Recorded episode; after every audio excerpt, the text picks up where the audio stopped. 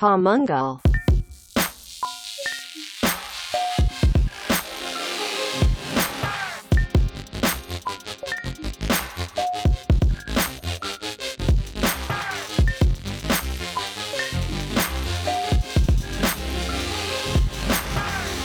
ואנחנו רצים, פודקאסט המנגל, יזמות, מיתוג, שיווק ודיגיטל, פרק. מה אתה שותה עכשיו תה? מה זה? מה זה שטויות האלה? 67. פרק 67, תודה לכל המאזינות והמאזינים שלנו ברחבי הגלקסיה שמצטרפים אלינו. אנחנו צוות המנגל, חגי גודובסקי ויוסי הגדול, יוסי פורקוש, בעוד פרק לא פחות מרתק, אני מקווה ומאמין כך, ואנחנו היום שוב מתארחים, נמאס לי כבר כל פרק, והיום אנחנו שוב כן, מתארחים. לא, אנחנו כל הזמן מתארחים, וכל פעם אומר, אנחנו אה, כבר הרבה זמן לא מתארחים, התארחנו, ו- כן. ואז בסוף אנחנו כל פעם מתארחים. אבל באמת היום אנחנו שוב מתארחים ב... אצל עמותת Vibe ישראל, ג'ואנה לנדאו, מה נשמע? בסדר גמור, ברוכה בוקר הבאה טוב. למנגל. בוקר אור, כן. כיף לנו להיות פה ולהתארח אצלכם, כי זה באמת אה, לא משהו, לא פרק ב- בקטע של עוד חברה, מה שנקרא, או עוד מישהו שעשה את זה, או לא עשה את זה. מה שמיוחד פה זה באמת שאנחנו לא מדברים על עוד חברה שממתגת חברות, אנחנו מדברים על עמותה שהתפקיד שלה זה למתג מדינה, במקרה נכון. הזה את המדינה שלנו. מיתוג מקומות או מיתוג מדינות, ובאמת האג'נדה שלכם זה למתג את ישראל בעולם. נכון. זה באמת מה ששווה את יוסי ואותי, כי אנחנו מאוד מתחברים, כמו שאת יודעת, למילה הזאת שנקראת מיתוג, לאסנס שלה. במיוחד אז, אה, אה, כשזה מיתוג של ישראל. כן, כמובן. אז מה העניינים? חפרנו הרבה, לא נתנו לך לדבר, מה נשמע? הכל טוב.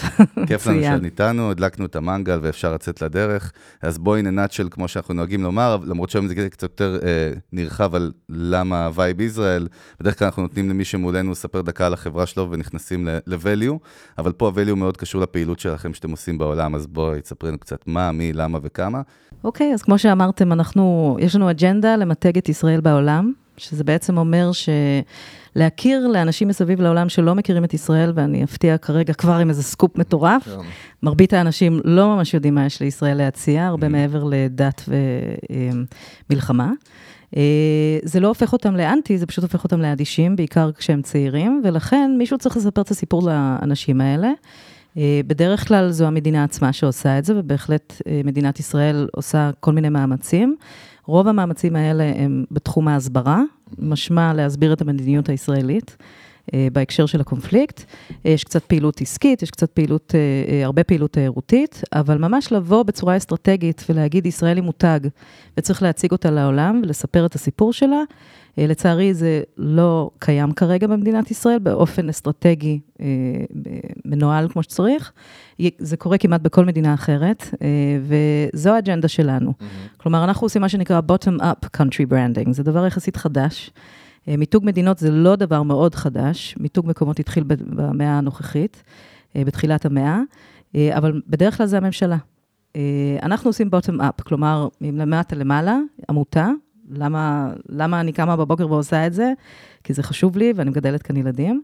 אה, ובעצם יש מתודולוגיה שלמה של איך עושים מיתוג של מדינה, והיא שאולה מהעולם של מיתוג מסחרי.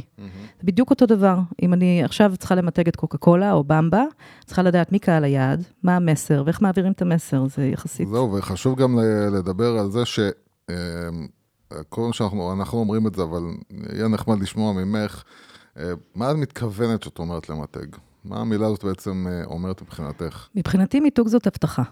מה ההבטחה שלנו, של החברה, של הבן אדם, של המקום, לקהל היעד שהוא מעוניין אה, להתחבר אליו, הוא מעוניין לבנות איתו גשרים, הוא מעוניין בעצם לרגש אותו. כי אם אני נכנסת עכשיו לסופר, ומה שאני קונה זה מוצרים, אז אני צריכה שהמוצר הספציפי שאני מתייחסת אליו יבלוט. והוא יבלוט רק אם הבן אדם מתלהב כשהוא רואה אותו. אז זה לא שכלתני, זה לא פה, זה ברגש. שזה אומר שצריך לבנות סיפור שהוא מרגש את אותו בן אדם, לדעת בדיוק מי הבן אדם, להיות, לדעת מה הפרופיל שלו, ולהעביר את המסר הזה, ולעמוד מאחורי ההבטחה הזו כל הזמן. זה לא נגמר, אף פעם, זה לא קמפיין. העקביות. בדיוק, זה חייב להמשיך forever, לכן אין התחלה וסוף לדבר הזה, זה פשוט נשאר כמו בכל חברה מסחרית. אותו דבר אם אני נכנסת לסופר של המדינות, מה שנקרא. אז אני באה עכשיו להחליט לאן אני רוצה לנסוע לחופשה, זה לא הכל תלוי בכמה זה עולה לי. הרבה פעמים זה מה המקום הזה מייצג, ומה הוא הולך לתת לי, עם מי אני נוסעת, ואם זה במשפחה שלי, אני בוחרת דבר אחד, ויש הרבה אופציות, אז הדבר הזה צריך לבלוט. אז זהו, מיתוג אבל- זו הבטחה. אז מה, מה, מה באמת המטרה שלכם בסופו של דבר? המטרה שלכם היא להביא לכאן יותר אנשים, או שאנשים יחשבו משהו אחר? לא, קהל. אנחנו, זהו, אנחנו לא משרד התיירות, אנחנו לא נמדדים אה, ויכולים ו- ומתיימרים למדוד את עצמנו לפי כמה תיירים מגיעים. משרד התיירות עושה את העבודה הזו, אה, וחובה לציין שהם עושים עבודה מצוינת בשנים האחרונות. אה, אנחנו בעצם בעולם של מה שנקרא brand awareness, תודעת המותג. החלום שלי, אה, אני לא מרטין לותר קינג, אבל יש לי חלום. החלום שלי זה כשאני מסתובבת בעולם, ואני אומרת שאני מישראל, אז העיניים של הבן אדם שאני אומרת את זה פתאום נוצצות, והם אומרים, וואי, ישראל, כאילו, יואו, אני מת להגיע לשם, או אני, אני מת, ל- פגשתי ישראלי לא מזמן, או זה מרגש אותו, זה עושה לו את זה, ומה המשמעות, מה התרגום של הדבר הזה? בעצם בן אדם כזה, או שהוא ירצה לבוא כתייר, או שהוא ירצה להשקיע בחברה ישראלית, או לקנות מוצר ישראלי, או אולי, אם זאת אימא והיא שוקלת, אה, ואבא, והם שוקלים לשלוח את הילד שלהם ללמוד בחו"ל, אז אולי בטכניון, או באוניברסיטת תל אביב, או בוויצמן או בשנקר, לא רק במקומות אחרים. אה, ובעיקר, זה בתודעה, פשוט, כרגע אנחנו, יש לנו, אנחנו, בטוחה שנדבר על זה, יש איזושהי תודעה מסוימת על ישראל כרגע. אנחנו רוצים שהתודעה הזו תהיה שישראל היא מדינה שהיא מושכת ורלוונטית ועדכנית מאוד לקהילה צעירה, 40 ומטה. אנחנו בעיקר מסתכלים על 40 ומטה, כי לישראל יש בעיה שהיא דורית. אנשים מגיל 40 ומעלה מעריכים אותה יותר מאשר 40 ומטה, יש לזה הסברים. אה, אז אנחנו מסתכלים, זה קהל היעד שלנו, ואנחנו רוצים לגרום לאנשים האלה אה, ליצור בעצם מערכת יחסים. עכשיו, מיתוג מדינות זה אקט כלכלי, כמו של חברה. אה, הכנסה אה, של מדינה באה מתיירות, מעסקים, השקעות, אה, talent, מה שנקרא, לשמר את ההון האנושי או להזמין הון אנושי. ישראל כרגע מתמודדת זה עם... בעצם המיתוג תכלס הכי קריטי בעולם. זה בעיניי. זה גם- זהו, זה גם מיתוג פנימי בעצם, זה לא רק. החוצה. אז זה אקט כלכלי וגאווה לאומית. כלומר, בלי הדבר הזה, כלומר, המילקי זול יותר בברלין. כן. אז בוא ניסע לברלין, מה יש לנו אז לעשות דרך פה? אגב, שבוע שעבר נתתם, אה, הגשת פרס, נכון? נכון, לראשונה. כן. ספרי דקה על הפרס הזה, כי כן חשוב לה- להבין מי קיבל אותו ולמה. כן, אז אה, שבוע שעבר, בעצם אנחנו קיימים כבר כמעט עשר שנים. אנחנו יחסית מתחת לרדאר, חוץ מהאנשים שאנחנו... אה, בישראל. מכירים Mm-hmm. אותנו, כן, ש, ש, אה, ויש הרבה, אבל זה כזה סוג של מתחת לרדאר, שוב, אנחנו נדבר על זה, ורצינו לייצר איזשהו סוג של תודעה יותר גבוהה.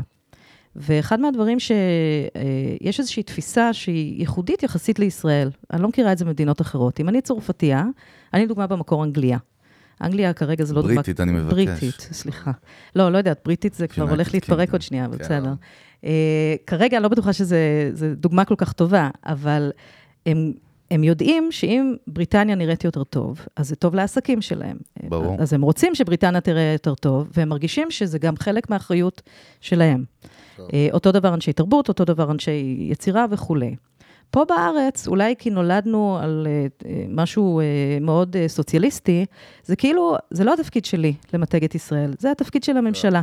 והממשלה ככה וכזה, בטן מלאה, אז כאילו עזבו אותי, אני עושה לביתי וזהו. מה שאנחנו רוצים להגיד זה, אנשים יכולים לעשות לביתם, הם עושים את זה מעולה, אבל כשהם עושים את זה, הם בעצם מייצרים מה שנקרא הילו אפקט. נכון. אה, על ישראל. כלומר, כשאסף גרנית, שהוא קיבל את האות מיתוג ישראל, שאני הכפיל אה, שלו, דרך אגב. ברור, ברור, כן, בדיוק הלכתי להגיד לך את זה כשנכנסת. אה, אה, וליוסי, אני לא- לא לא- לא אה, ניכנס לזה. יוסי הוא אני לא דומה הגדול, לכלום, זה שיש אני לא. דומה. לכלום. לא. אניגמה שכזו. כן. אה, אז נגיד אסף גרנית, שהוא עושה את מה שהוא עושה, הוא עושה לביתו, הוא עושה את זה מעולה, אבל הוא גם בא והוא אומר, והוא לא... הוא, לא מסתיר גם, הוא לא מסתיר, הוא, הוא מחצין את העובדה שהוא ירושלמי, והוא מנגיש את ירושלים לעולם.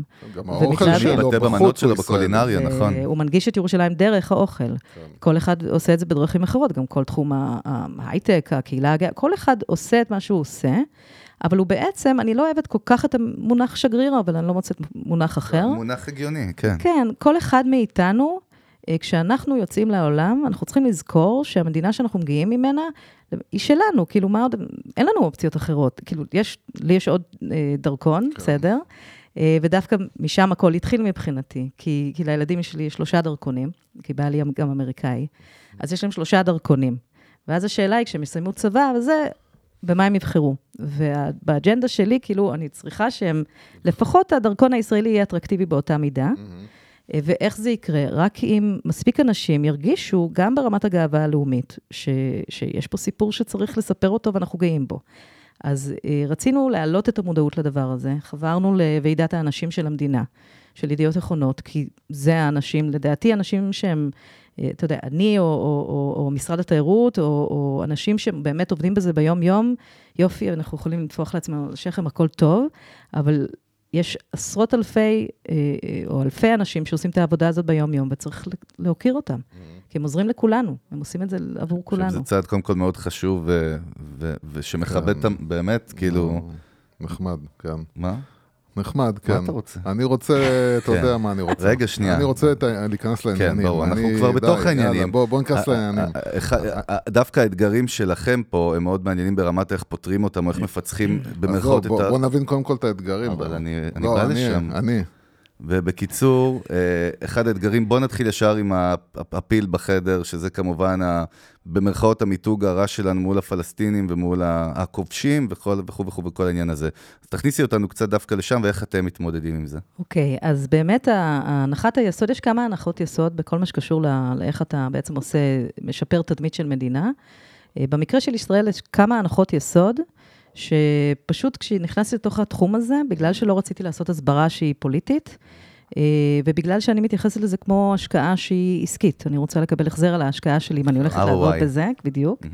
אה, אני רוצה לראות שיש שיפור, ואני לא בהכרח רואה שיש שיפור, וניסינו להבין את הנושא הזה. ובעצם אם אתה מסתכל על מחקרים מסביב לעולם, אה, אנחנו קצת, בוא נאמר, מגדילים את, את, את הפיל, אוקיי? הפיל בחדר קיים, מהמם. יש לנו בעיה של ה, כל הנושא של איך אנחנו מסבירים את המדיניות הישראלית, כי אנחנו היום סוג של גוליית, ויש דוד אחר בחדר, אה, וקשה מאוד להסביר את זה. זה- שזה אירוני, כי אנחנו תמיד היינו הדוד. היינו דוד עד מלחמת ששת הימים, כן. ולא שמנו לב שהפכנו לגוליית בדרך. אה, וזה קשה, זה מאוד מאוד קשה. ההסברה הישראלית היא לא לא טובה, היא פשוט אה, סוג של מאתגרת? להילחם, היא מאוד מאתגרת. מהמם. כאילו, קודם כל, אף אחד לא בא כדי להשתכנע שהוא טועה. כאילו, זה הבסיס של, של השיח. זה אני אשכנע אותך שאתה טועה, ואני לא מאמין בחיים שאתה תוכל לשכנע אותי שאני טועה. אז זהו, אני... אני- אני אז ש- מה עשינו פה? השאלה היא דווקא, אם נכנסים קצת יותר דיפ, מה שנקרא, זה קודם כל איך מפרידים את הדעות הפוליטיות שבאים פה. כי אוקיי. כשאת אומרת את זה במדינה, אני גם חושב שם, רגע, אם הליכוד או, או מרץ, סתם, אם- לא משנה מי שולט עכשיו, זה משפיע בעצם על איך ממדגים, או ואצלכם? לא, לא, זאת לא, אומרת, לא. איך זה עובד? אני, להפך, אני רוצה להגיד שיש פיל אחר בחדר. אני רוצה להגיד שהפיל בחדר שאנחנו חושבים שזו הבעיה הגדולה, שזה אה, ישראל נתפסת בצורה לא חיובית מפני, ש... בגלל המדיניות שלה, בהקשר של הסכסוך. כן. אה, המחקרים לא אה, מוכיחים את זה בכלל. כלומר, זה קצת רגשי. אנחנו הולכים למקום המאוד רגשי. אנחנו כישראלים קוראים את העיתונות שלנו, או את העיתונות אולי היהודית בחו"ל. אנחנו מסתובבים בעולם, ואנחנו כל הזמן באיזושהי תחושה פרנואידית שכל העולם שונא אותנו. אבל אנחנו פשוט שואלים את האנשים הלא נכונים. אם נשאל יהודים וישראלים מה הם חושבים, בסדר, אבל אם זו הייתה חברה, אם היינו חברה, אוקיי? הדרך לדעת איך כרגע החברה נתפסת, זה לא לשאול את האנשים שעובדים בחברה, אלא את הלקוחות הפוטנציאליים, נכון? נכון. אז במחקרים שעושים בעולם, ושואלים אנשים בעולם, מה התפיסה שלכם כלפי ישראל, בגדול זאת אדישות. יש אנטי, ויש מאוד מאוד בעד, ושניהם בקצוות. זאת אומרת, אנחנו מאוד חושבים שאנחנו מרכז העניינים, המציאות אנחנו היא לא ממש כזאת. לא, אנחנו בטוחים שכולם, לפני שהם קמים בבוקר ושותים כוס קפה, בודקים ב-CNN איזה טייטל כתבו על ישראל שהוא לא נכון, וצריך לתקן אותו ולשלוח כל מיני עוד... זה לא שם. זה היה שם אולי פעם. היום, בגלל מדיה חברתית ואיך שהכל השתנה ועודף מידע, כן, יש יותר מדי רעש פשוט. בדיוק, זהו, אבל הרעש הזה הוא, הוא לטובתנו. כן. כל מה שצריך לעשות זה לייצר אבל- disruption אבל- חיובי. אבל איפשהו אתה, אם, אם, לא יודע עוד פעם, רוב האנשים, אני פשוט מאוד, חושב שאני יחסית מעורב, אז כשאתה מסתכל על מה שקורה בקולג'ים, כביכול נראה שהרעש נגדנו הוא מאוד גדול. נכון, נכון, לא, יש שני תחומים שבוא בוא נדבר שנייה, נפתח את קולג'ים הנושא הזה בארצות של ה... הברית, כן? לא רק בארצות הברית. ב- לא, גם באירופה? באירופה. כן, כן, בואו, כאילו, ארה"ב חשובה, אבל היא לא היחידה, אה, אומרת האנגליה שבי. אה, אה, בואו נדבר על ה-BDS, שזה כאילו הפיל בחדר.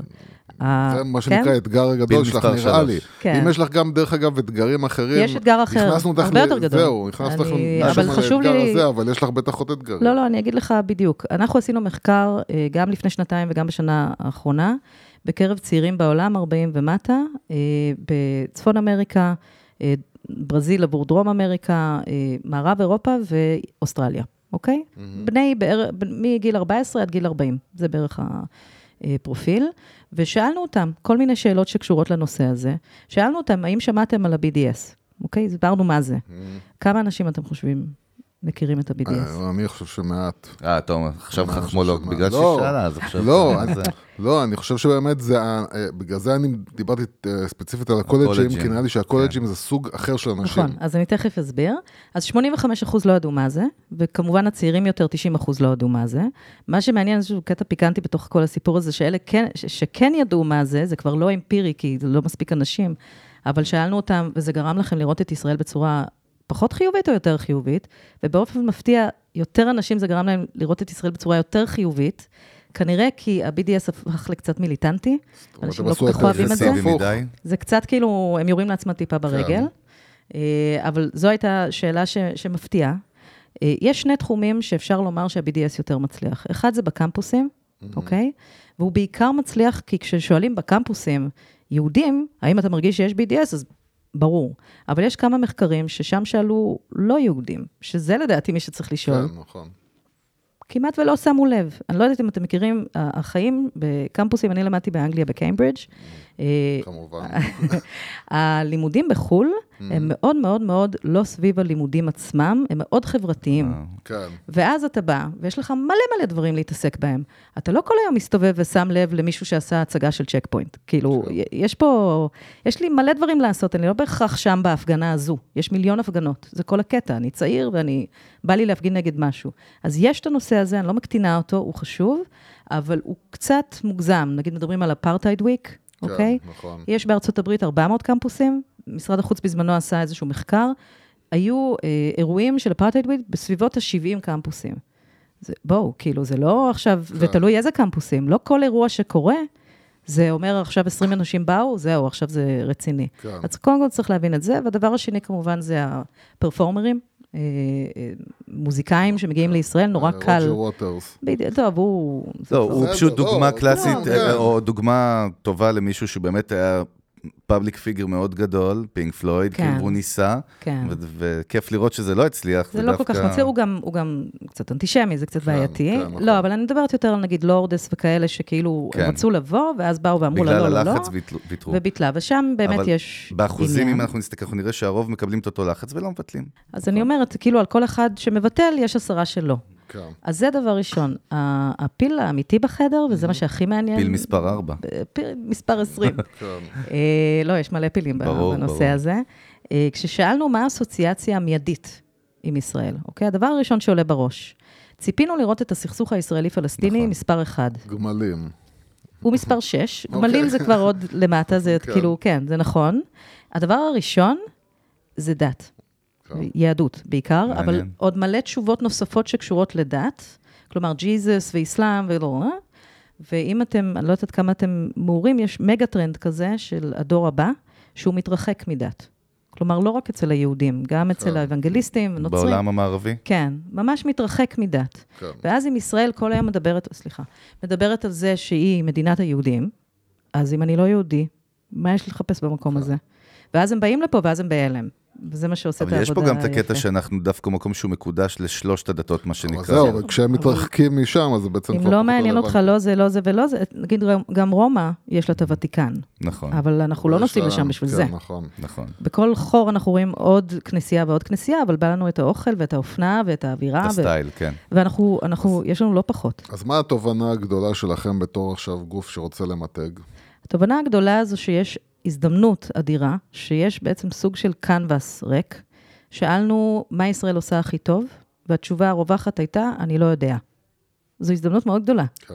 כי הם יכלו להגיד מלחמה ולהרוג אנשים, אבל הם לא. הם יכלו גם להגיד start-up nation, אבל רק נכון. בערך 5-6 אחוז אמרו את זה. שדרך אגב, גם פה. הפתעת אותי, כי הייתי בטוח שהרבה יותר אחוזים. נכון. אני, אני, אני כן רוצה להגיד משהו קטן על זה, שיוסי ואני, סיפרנו, חברת, הייתה לנו חברת פיתוח תוכנה במולדובה, ותמיד היינו מנסים אה, לתת ל- למתכנתים המקומיים כל מיני בריפים ופיצ'ים על ישראל, ו- ו- ואף אחד שם לא ידע שום דבר על החדשנות שלנו והאינוביישן. נכון. פעם, אז כאילו, מסתבר שזה באמת לא באחוזים גדולים כמו שאתה חושב. זה באחוזים, חש... הם, הם אולי לא גדולים, הם חשובים מפני שבביזנס לידרשיפ, כן. בתחום הזה יודעים, וזה חשוב. הבעיה של ישראל זה שאין לנו הרבה B2C, יש לנו הרבה B2B. B2B, נכון. ואז בעולם של ההייטק, אם אתה שחקן בעולם של ההייטק, בטח סייבר וכאלה, אתה יודע שישראל היא שחקנית וזה כן. מעולה. אנחנו כאילו הסיליקון ואדי, אחלה. אבל כמה אנשים בעולם הזה? כאילו, קח את ה-Creative Class, מתוך זה תוציא את אלה שמתעסקים בהייטק, כאילו זה לא כל כך הרבה, המסות, הם לא שם, והם לא יודעים כל כך. ואז השאלה היא, מה מדבר אליהם? זה, זה, זה גם שאלה מאוד חשובה, כי טכנולוגיה mm-hmm. זה לא רגשי.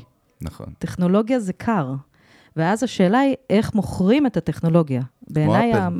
זהו, בעיניי המסר, start-up nation, הוא אחלה מסר, אבל לקחו אותו לכיוון נורא נורא טכנולוגי, שלא כל כך מעניין, אז אני ראיתי במקום פעם, רגשי. בדיוק, ראיתי פעם סרטון אחד כזה שמנסים באנגלית, שמיועד לחו"ל, אני לא יודע באיזה גוף הפיק אותו בארץ, שמראים לך שהאם ידעת שבכל מחשב של HP יש כן. רכיב כזה ישראלי, כן. שווייז זה ישראלי וזה, אבל כמו שאת אומרת, יכול להיות שזה לא כל כך מעניין בסופו של דבר, זה קצת... ה-end customer, מה שנקרא. זה סוג של שופוני. אז זהו, בוא. ניכנס למה שכן כי את כל הזמן מדברת על דור ה-Z, על דור ה-Y, על החבר'ה הצעירים, כן. שהם באמת גם העתיד והם גם מביאי הבשורה, והם גם בסושיאל מדיה הרבה יותר חזקים בסופו של דבר מהמבוגרים נכון. יותר. אז מה מעניין אותם? כל, כל תחומי, אנחנו מתעסקים בעיקר בתחומי הלייפסטייל, כי אנחנו מנסים להגיע להכי הכי רחב זהו, זה שאפשר. כאילו המסקנה שלכם הייתה? לא, לא בהכרח. אנחנו בעצם, כשהתחלנו את התהליך, אה, שנה שעברה שכרנו את המקינזי של תחום מיתוג מדינות, שזה, יש אולי שמונה עשרה חברות ייעוץ שעוסקות בתחום הזה, אה, קוראים להם בלום קונסלטינג, הם עובדים מכל מיני מדינות וערים מסביב לעולם, ושכרנו אותם לעשות את התוכנית רב-שנתית למיתוג ושיווק ישראל בעולם. אה, וזה התחיל במחקר פנימי פה בארץ, בדיוק כמו שעושים בחברה קלאסית, כן. מסחרית, ושאלנו 60 מובילי דעה אה, across the board, מכל הכיוונים, גם פוליטיקה, גם עסקים, גם חברה, גם חרדים, הכל. שאלנו אותם, מה אנחנו רוצים שהעולם ידע, שאנחנו, שזה אותנטי. לא כאילו, אנחנו לא נמכור לוקשים. זאת אומרת, לתת לאנשים מפה להגיד מה להגדיר, הם... כן. עכשיו, כשעושים מיתוג מדינות, יש לך בעצם חמישה ערוצים שאתה יכול להציג את המדינה דרכה. אוקיי. אה, אחד זה תיירות, כמובן. שתיים זה ייצוא של מוצרים, אבל אמרנו, אין לנו הרבה B2C, זה בעיקר B2B. שלוש זה השקעות נכנסות, שזה כל ההשקעות בהייטק שלנו. עוד פעם, זה... אה, זה סביב אותו B2B, אקוסיסטם, כן. נכון. אה, ארבע זה באמת הון אנושי, שימור ההון האנושי או משיכה של הון אנושי. כרגע יש לדוגמה בעיה של ישראל בתחום של מהנדסים. כשבאים להציע relocation package למדינה, מה שצריך למכור זה לא את ה-relocation package, כי אפל ישראל יכולה לתת אחלה relocation package, אבל גם אפל ארצות הברית וגם מתחרים שלה בכל מקום אחר. אין לך leverage, כאילו. מה שצריך למכור זה הלייפסטייל.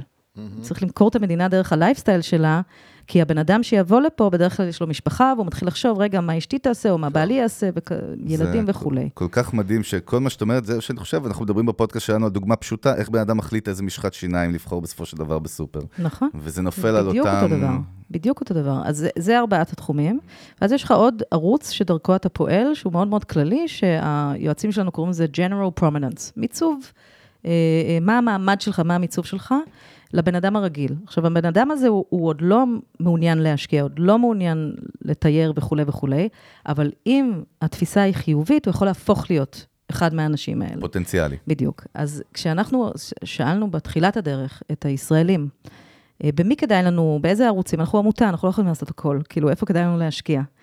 אה, דווקא אנשי העסקים אמרו, תקשיבי, בקטע של הייצוא וההשקעות הנכנסות, כאילו, we've got this. כן. אנחנו יחסית כאילו, באמת, יש לנו כלכלה... מסודרים לא צריכים עזרה. די כן. לא צריכים עזרה, תתמקדי בתחומים האחרים.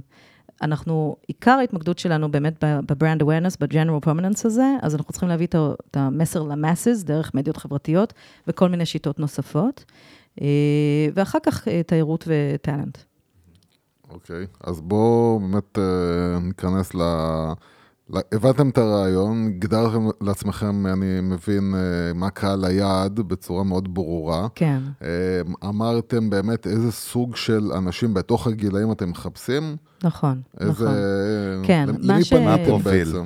זהו, מה שמעניין זה שיש לנו אה, יכולת להיות קצת יותר, אולי פלקסיבל, מגמישים מאשר נגיד ממשלה, נגיד משרד התיירות. אה, צריך אה, למדוד את עצמו לפי כמה תיירים הוא מביא. ולכן מבחינתו, השוק האסייתי הוא שוק סופר חשוב, נכון? כי זה כמויות. מביא מלא תיירים. כן. אנחנו לא מסתכלים באסיה, למה? כי המיתוג של היהודי מאוד חזק באסיה, ולכן המיתוג של ישראל הוא מאוד חזק כן, זה, באסיה. זה קטע, קטע באמת אוהבים שאנשים אותנו. לא, זהו, אנשים לא מבינים שאסיה, אנחנו... סבבה לנו שם, כן. הכל טוב, אז למה לי להשקיע את הדולר שיש לי דווקא שם? אז אני משקיעה במקומות, רוסיה לדוגמה, יש מיליון וחצי רוסים נוסעים back and forth, אז יחסית מכירים אותנו, ו- וגם, לא רע. לא, המצב לא, לא נורא. אפריקה, מדינות פחות חזקות. אה, כמובן, מדינות ערב, אנחנו לא, we won't go there, מה שנקרא. למרות שהיום אנחנו, מיום ליום, יוסי תמיד אומר לי, אתה תראה, סעודיה, דובאי, כל האלה, לא, זה לאט לאט הם פוטנציאל חבר'ה שהולכים להיות מטורף. איתנו יד ביד. לחלוטין. אה, אה, אני סיפרתי לכם, אני כל שנה נוסעת לכנס של, קוראים לו City Nation Place, שזה הכנס היחיד שמרכז את כל מי שעושה את המיתוג של מדינות וערים וחבלי ארץ שונים מסביב לעולם. השנה, אה, גם הצגנו את המיתוג של ישראל, השנה ישבה לידי האישה שאחראית על התיירות לערב הסעודית. פתחו עכשיו את התיירות, ליטרלי, כאילו כן. לפני חודשיים. והם באו קבוצה של שמונה, אוקיי? אף אחד כן. לא שולח שמונה אנשים, אבל בגלל שהנסיך הסעודי יכול, זהו, הם תמיד בגדול. הוא שולח. אה. סיכמנו שהיא ואני יכולות אה, אה? לעשות שלום ביחד. אני לא אוקיי. אוכל לבקר שם בינתיים, אבל היא ואני נוכל לעשות שלום. אבל אה, אה, סעודיה, תשימו, אה, הם הולכים להיות מדהימים. אז באמת כן. אמרת שאם אנחנו מדברים על הפילוח ועל הטרגטינג, מה שנקרא, כן. של קהל היעד, שאצלנו זה ככה, בגלל שאת מכירה את הנושא הזה, אני מניח שבין היחידים שממש מכירים את המושג הזה, מיתוג מדינה, גם בחו"ל, ודיברנו קצת לפני על זה שיש הרבה מדינות שיש להן איזושהי מחלקה ברמה, ברמה הממשלתית, נכון? נכון, כן. שמתעסקת בזה. נכון. האם אה, כולם נוטים היום לכיוון החבר'ה הצעירים, לפלחי לא, שוק לא האלה? בהכרח, לא בהכרח, זה נורא תלוי ב- המדינה. בכל מדינה ומה שהיא מעניין. מעוניינת לעשות. אבל אני רק אענה ל- כן, ליוסי. אה, הקהל יעד שלנו זה דור ה-Y ודור ה-Z. דור ה-Z צריך לשים לב אליהם, הם כבר התחילו להצביע, הם בני 22, הכי אוקיי. גדולים, ולכן חשוב לשים לב אליהם, אבל בעיקר דור ה-Y, כאילו 20 עד 40 זה בערך התחום שאנחנו מחפשים. יוסי, איזה כיף שאני שם ואתה לא. אני דור ה-Y. גם אני לא. אבל חוץ מבאמת הגילאים, מה שחשוב לי זה האם כן. יש להם פרופיל מסוים של אנשים מעבר לא, לגיל? לא, אה, תראה, כשעושים מיתוג מדינות, אז אתה הולך על אנשים שיש להם אה, אה, שכר ממוצע ומעלה, אוקיי? כי זה אומר שיש להם כסף נזיל להשקיע במשהו שהוא... נכון. ולנסוע לחופשה וכאלה מין, ובדרך כלל תואר ראשון אה, לפחות, כי זה מעיד על סוג של סקרנות ועניין מחוץ למה שיש לי פה. כן. אה, זה הקהל יעד בגדול, נורא קשה להיות, נו, לדייק את לא, לא. ה... לא, זה ודאי, אבל רגע. דווקא כשאת כשאת מדברת על brand awareness, אחד הדברים שאנחנו יודעים ומודעים אליהם טוב, אני- יוסי ואני באופן אישי, ש brand awareness, וגם זה אתגרים מול מנכ"לים ומנהלים בכלל, שקשה למדוד את ה-ROI שלו. נכון. בניגוד למה שנקרא user acquisition, מה שאנחנו קוראים לו. נכון. אז קשה למדוד, אז איך אתם מודדים brand awareness, שמה שנקרא, איך אנחנו רואים את התוצאות של המיתוג שעשינו בעולם? אבל זהו, שנייה. ברור שתמיד תגיד לי שנייה, אבל זה ברור, קשור. כי אתה כל לא, פעם... אני לא, אגיד לך אבל רגע, למה. נדבר על זה. אבל בוא נדבר קודם כל על... זאת אוקיי, אומרת, מה אתה רוצה רק שאתה תגיד את זה, כאילו. קודם כל- אין בעיה. קודם בבקשה. כל, אתה קח. תראה, בוא תראה איך פתאום הפודקאסט נהיה מעניין. אה, תודה. לא, אנחנו, אנחנו צריכים לדבר על השאלה שלך, אבל אני חושב שצריכים לדבר לפני זה על, אוקיי, הבנתם למי אתם רוצים לעשות עכשיו, איך איך אתם מחליטים את זה? מה, מה, אתם, מה אתם עושים עם מה זה. התוכנית? וזה חוזר לשאלה שלך, שהאם לכל מדינה יש כזה מדבר. אני עושה לכם סדר לא, לא. בשאלות. אני מאוד טוב, להקפיא ג'ואני באפר. מצוין בינינו. מצאנו אותו. אוקיי, אז התחום הזה של מיתוג מדינות התחיל ב, אה, בסביבות 2000. בא מישהו בשם סיימון אנהולט, שבא מעולם המיתוג המסחרי, ואמר, אה, נתן לזה, לזה שם, טבע את המונח country branding. אוקיי? country branding, nation branding. ממש טרי. כן, יחסית טרי. אה, אה, לימים הוא החליט ש-nation branding או country branding זה לא נכון, וצריך לקרוא לזה משהו אחר, אבל זה הקטע שלו כל חמש שנים, הוא תובע מונח חדש, ומייצר סביב זה הרבה עניין. אבל בעצם אנשים שהגיעו מהעולם המסחרי, הבינו שבאמת אפשר למתג מדינה. נורא פשוט, בדיוק אותו דבר כמו מוצר מסחרי, עם כל המורכבות שבדרך כלל מי שעושה את זה זה באמת הממשלה. אז לדוגמה, נשיא, אה, שהיועצים שלנו עשו את המיתוג אה, מחדש של פרגוואי, אוקיי? והלקוח שלהם היה הנשיא של פרגוואי. והם באו והם הודיעו על המיתוג מחדש, והיה כאילו יופי של אירוע, ובאותו ערב היה, הייתה מהפכה. אותו ערב. אז כאילו, הכל כאילו יורד. אותו דבר, לדוגמה, עם טוני בלר, כשהוא היה אה, אה, ראש הממשלה, הוא עשה מיתוג לאנגליה, שקראו לזה קול בריטניה. אה, מי שלא מכיר את אנגליה לא יודע שיש שיר מאוד מפורסם בשם רול בריטניה, שזה בכלל מדבר לפני הרבה שנים, אז זה היה משחק מילים, להראות שהיא, שבריטניה יש לה את כל ה... המורשת וכל הדברים בהיסטוריה, אבל היא מאוד קולית ומגניבה, שזה אגב נכון. אה, אבל כשהוא הפך להיות פחות פופולרי, גם המיתוג שלו הפך להיות פחות פופולרי. אז הנושא הזה קיים, אבל הוא, הוא עובר קצת מטמורפוזה כזו. כרגע, מרבית האנשים שעושים את המיתוג של מדינות שונות זה משרדי חוץ, או גוף שמשרד ראש הממשלה, או מי שזה לא מכתיב את זה, נתן לו את האפשרות לעשות את זה. אה, בפינלנד זה אה, משרד החוץ, בשוודיה. לוקחים את הדבר, את זה מאוד ברצינות. מאוד ברצינות ומשקיעים בזה, בין, לדוגמה, אה, בין אה, כמה מיליונים בודדים, מיליוני דולרים.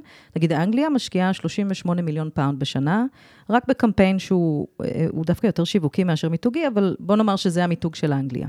והולך להם יחסית טוב. אגב, הם השיקו את זה באולימפיאדה של לונדון, לא יודעת אם ראיתם את זה, אבל מי שראה את אה, אירוע הפתיחה, פתאום היו שם דברים שקשורים בכלל לקופת חולים של אנגליה, ואף אחד לא הבין מה זה הדבר הזה, כי זה דיבר על גאווה לאומית, בדיוק בתקופה נורא בעייתית ב-2012 באנגליה. אז זה זה כבר משהו סיפור כאילו מאוד אחר. פנימי. כן, שם. שם זה היה משהו פנימי, ואז הם פרצו החוצה. זה היה הצורך שלהם, כי הם עברו תקופה לא פשוטה מבחינה פוליטית. גם עכשיו, יש לומר. אבל אה, אגב, אנגליה זו דוגמה מאוד טובה, כי מה באמת מחזיק את המותג של אנגליה היום? זה לא שאלה טובה, דרך זה אגב. לא הפוליטיקה. אני אני מה- לא יודע אפילו לענות. מה מחזיק, מה- מה מה אנשים יודעים על אנגליה? או- לא, מה גורם, הרי אה, יש מדדי מותגים, אגב, שזה אחד מהדרכים למ- למדוד. חוסן מותג, כמו סופר. ברנדס כזה, יש כן, גם. מדינות, אוקיי? אוקיי, אה, אנגליה וארצות הברית וכאלה, הם תמיד בעשירייה הפותחת. עכשיו, הגיוני. בגדול, אם אנחנו מסתכלים על איך שאנחנו מסתכלים על ישראל ואומרים, רגע, רגע, אבל כאילו, בתכלס. ברגע שאתה עושה משהו שהוא לא בסדר בעיני חלק מהאנשים, אז פתאום אתה אמור לרדת. כן. אז ארה"ב לדוגמה, וטראמפ, שהוא לא כן. בדיוק מדבר בשפה של כולם, היו אמורים תיאורטית לצנוח אז בדירוג. טראמפ באמת, מאז שהוא התחיל, הם יורדים טיפה. אנגליה בערך נשארת באותו מקום. תמיד? אה, כאילו, פלוס מינוס, כן, הם שם כן. כאילו בשלישייה הפותחת. אה, כמובן, בית המלוכה, זה נכון. תת מותג מטורף. שכחתי, איזה בושה. לונדון, זה תת מותג. עכשיו תחשבו על כל מוצר בריטי, ג'יימס בונד, אוקיי? זה, זה מה שעושה את זה, כל הסדרות פאנק. שאנחנו מכירים, BBC. מבחינתי זה פאנק. הכל, כאילו, כן. כל המוזיקה וכולי, כל תתי המותג פאנק, האלה. רוב המוזיקה, מה אני מדבר בכלל. נכון. ולישראל אין מספיק כאלה, כן. לכן אגב עשינו את אות מיתוג ישראל. יש כל מיני דברים שצריך לדעת לזהות מה תתי המותג שלנו ואז לדחוף אותם. אה, תל אביב זה תת מותג מצוין, את ירושלים אומרת, אין לנו וכולי. שגרירים בסקופ, בסדר גודל של שגרירים שיש לארצות הברית או אנגליה. לא, sense. דווקא יש אין לנו לנו- איזה לד זפלין, כאילו, עם כל הכבוד לשלמה ארצי, במוזיקה, בסדר, עליו. נכון, נכון. לצורך יש העניין. את גל גדות. יש לנו את גל גדות, נגיד. יש את גל גדות, שזה נכון. נהדר, והדבר הכי טוב שיכול לקרות עם גל גדות זה שאף אחד לא ייגע בה. כן, אף אחד לא יעשה את איתה כלום. שזה. נכון. היא מושלמת, כאילו, היא יושבת אצל ג'ימי פאלון, והיא מדברת עם המבטא שלה קצת, והיא הכי כאילו אותנטית. נכון. היא מדברת על זה שהיא הייתה חיילת, כולם מתלהבים, כן, אני חושב אמור שהיא גם לעבוד בכלל הפוך. אחת הדמויות האהובות היום בארצות הברית.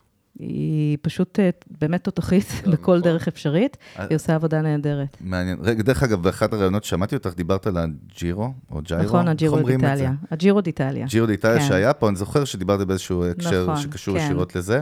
כן. זה משהו שבעצם נגיד היה גם יוזמה פרטית, או שזה... זו יוזמה פרטית של סילבן אדמס, אה, הנדבן. זו דרך, אחת מהשיטות, בעצם לגרום למדינה להיות אה, ידועה, אה, או לעיר, זה שאתה עושה אירוע גדול, או שאתה מייבא אירוע ידוע, אירוויזיון, דוגמה קלאסית שהייתה בשנה אבל אירוויזיון צריך לזכות. כן, נכון. נכון. אוקיי? פה אתה יכול לבוא, אתה יכול לבוא ולהגיד, אני רוצה עכשיו, אני מתכנן עכשיו קדימה, ואני אומר, אני רואה שאנחנו בסייבר טובים, אני רואה שאנחנו בוולנס חזקים, אני רואה שאנחנו באוכל חזקים. בואו נמפה את כל האירועים שקורים בעולם, ובואו נייבא חלק אז מהאירועים מה, האלה כל לפה. האקספו זה ה event שיש בתל אביב, בישראל בכלל, ועידות, בין כל זה- הדברים האלה, אבל אסטרטגית, צריך לעשות את זה אסטרטגית, כי זהו, אנחנו יכולים ואני רואה לזרוק שזה לכל אף כיוון. פעם מה כמעט לא שמעניין. ברמת המדינה, זה עוד יותר מעניין אותי. אני נכון. שם לב שכאילו הפקירו את השטח הזה, וזה כל הזמן יוזמות פרטיות, יוזמות פרטיות, יוזמות פרטיות. אני חושבת שחסרה דמות, כאילו פעם כתבתי איזה טור דעה כזה, Chief Image Officer. הנה, חסר. בבקשה, הנה הוא, יוסי. אתה נכון, אני, נכון. לא, אני נראה, אני. נראה כמו ה image של ישראל, באמת, אבל uh, אני באמת רוצה, מכיוון שלא, אנחנו לא רוצים רק לשמוע סיפור, אנחנו גם רוצים ללמוד. אוקיי. אז, אז אה, הבנתם למי אתם הולכים, מה הייתה עכשיו, באתם לבנות את האסטרטגיה, מה הייתה האסטרטגיה עכשיו? קודם כל, בבניית האסטרטגיה צריך לבנות את הסיפור, את המותג עצמו, uh, נרטיבים שונים וכולי. Uh, עשינו וורקשופס גם פה, גם בקרב יהדות התפוצות, כי זה לא רק סיפור של ישראל. מי שמדברר את ישראל זה המיליונים שם גם. הדברים שהם אומרים הם לא בהכרח משקפים את ישראל, כי זה נורא תלוי אם הם דמוקרטים או רפובליקנים, נכון, ואיך הם נכון. התעוררו בבוקר, ואם הם רפורמים או שהם דתיים. נכון. אה, וכולי. אז אה, אה, בעצם פיתחנו סיפור על ישראל שהוא מבוסס על ארבעה נרטיבים עיקריים, שמדברים על הרוח הישראלית, אוקיי? זה נרטיבים שהם קשורים לאיך אנחנו מביאים לידי ביטוי את, את מי שאנחנו. כל מדינה יש לה מילה, שהיא מכתיבה את ה... נקרא לזה השיווק שלה. איך אוקיי? מוצאים בדיוק. מילה אחת על מדינה מטורפת כמו אני ישראל? אתן לך דוגמה. אז אני מעניין. אתן לך דוגמה, אה, ניו זילנד, בסדר? המילה שלה זה purity. מדינה שמאוד, כאילו, כל דבר שהיא עושה, אם אתם ראיתם את הספורט שלה וההאקה ב- ברגבי, יש שם דברים מאוד מאוד, הם סגורים על מי הם ומה הם, הם אף פעם לא יעשו אקט ממשלתי שנגיד פוגע בסביבה. בגלל שהמילה שלהם, לכן מיתוג, זה לא רק שיווק, זה לא packaging. זה ה essence, זה מכתיב את המהות, הכל, כן. בדיוק.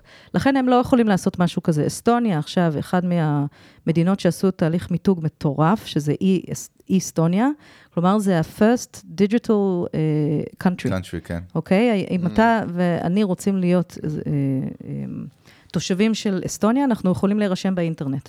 זה אפשרי וזה נותן לנו כל מיני דברים. והם מדברים, למה הם מדברים על זה? בגלל שזה מקום מאוד קר ואפור ו whatever, ופתאום אתה רואה שיש שם באמת הרבה סטארט-אפים וכולי. אז ישראל ניסינו להבין מה האסנס שיש פה, מי אנחנו ומה הדבר המיוחד שפה.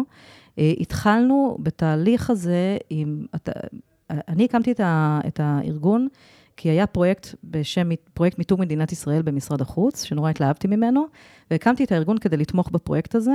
לצערי, הפרויקט לא הבשיל לכדי עשייה אה, אה, ארוכת טווח, אה, והיום עדיין קיימת, אבל במתכונת שמשרד החוץ יכול להוציא לפועל, וחבל לי מאוד שכל התקציבים הוסטו למשרדים אחרים. אבל בהתחלה, בהתחלה הם באו עם הביטוי Creative Energy, כדי להגדיר מה יש פה. יש פה איזושהי אנרגיה שמרגישים אותה באוויר. ה vibe. היא מאוד יצירתית vibe, כן. בדיוק. יש פה vibe. נכון, היא מאוד יצירתית, היא לא בהכרח תמיד טובה. כלומר, דוחפים אותה בתור ואנחנו נוהגים כמו מטורפים, אבל זה שיקוף של המתח הזה שקיים באוויר, נכון. שזה מה שהופך אותם, אותנו גם למאוד יזמיים כן. אה, ומאוד מסוגלים... מניעים אה, לפעולה. נכון, אנחנו גם די אופטימיים, כלומר, יש פה איזה קטע. אז אנחנו לקחנו את Creative Energy, לפני עשר שנים להגיד על מדינה שהיא Creative, היה מאוד ייחודי, מאוד ייחודי. אף מדינה או עיר לא אמרה את זה. היום כל עיר רוצה להיות הכי קריאטיב בעולם. אז אמרנו, טוב, אז אנחנו צריכים, זה חייב להיות מקורי. We have to own it. לא יכול להיות, אי אפשר להשתמש במילה שמישהו אחר יש לו אותה. אז הורדנו את הקריאטיב ונשארנו עם האנרגי הזה. ואז היועצים הקשו, והם אמרו, כן, אבל איזה סוג של אנרגי? מה אתם רוצים שאנשים ירגישו כשהם מתחברים לישראל? זה עדיין כללי מדי. כן, אה, והגענו לביטוי שאנחנו רוצים שהם ירגישו מה שנקרא alive. זה סוג של חיוניות, אוקיי? זה אומר שזה, אתה כאילו סוג של מתחבר לעצמך, שמי שלא חי בחו"ל ולא מכיר את החיים בחו"ל, ואז מגיע לישראל, נכון. לא באמת יכול להבין אני חושב כל כך במה שכל מדובר. ישראלי שנוחת במטוס בנתב"ג מרגיש את אותה אנרגיה שמדברת עליה, איך שאתה נוחת. נכון, חלק מה alive זה גם משפחתיות, חום, אנושיות. אה, חלק מה alive זה גם הצד הדתי, יכול גם להיות spiritual וכולי. הוא גם צד אגרסיבי, שקצת אה, ווליום אגרסיבי. יותר גבוה, נכון, אני עדין, נכון. ו... בוא נאמר שאם אני אה, מתראיינת לפודקאסט בינלאומי, וסליחה, עם כל הכבוד למנגל, אה, אה, על המנגל, אנחנו אני, אוהבים את זה שפוגעים בנו. אני לא הייתי אומרת את המילה. לא הייתי משתמשת בזה, כי, כי א', זה נתון לפרשנות, ואיזה יופי, alive, alive, אבל אתם הורגים פלסטינאים, כזה מין. אה, ובכלל לא הייתי אומרת את המילה, כי גם קוקה קולה לא אומרת מה המילה שלה. נכון. אנחנו כולנו יודעים שזה אופטימיות, אבל אה, היא לא אומרת את זה. היא מביאה את זה לידי ביטוי בנרטיבים שלה ובחומרים השיווקיים. אז פיתחנו על בסיס זה ארבעה נרטיבים, אה, מהר מאוד. הראשון זה Celebrating Life, אנחנו אוהבים לחגוג את החיים. זה אומר שאנחנו אוהבים לחגוג חזק, כלומר, אנחנו party, פרטייה אחת גדולה. party hard. בדיוק, אבל לחגוג את החיים זה גם ארוחות שישי בבית עם המשפחה, שזה משהו מאוד מקורי השבטיות. לאנשים מחו"ל, השבטיות הזו. זה לפתח, אה, לדוגמה, ניקח את ה start-up nation, לתרגם את זה עכשיו לא למשהו טכנולוגי, אלא... יזמי יותר באופן כללי. לא, אלא אנחנו, הרבה מהטכנולוגיה הישראלית הולכת לטובת יצירת חיים טובים יותר, אוקיי? אם זה באפריקה, ואם זה בנושא הבריאותי. טכנולוגיות שמשפיעות ממש על החיים. לא משהו סתם. לא התפתח פה בטירוף, בטירוף הפינטק או ה fashion-tech. יש לנו, אבל לא בטירוף. אבל ה-life sciences, הביוטק, ה-food-tech, ה-water-tech, כל הדברים האלה שזה קשור לחיים, זה יש את זה. אז celebrating life זה אחד. השני זה living together, שזה לא דו-קיום ערבים ויהודים, אלא מעל למאה תרבויות, וגם אה, קהילה גאה וחרדים, אוקיי? ורוסים ואתיופים. כלומר, הכל יש פה מתערבב. diversity כאילו מטורף. מטורף, ותחשבו היום, זה אוניברסלי.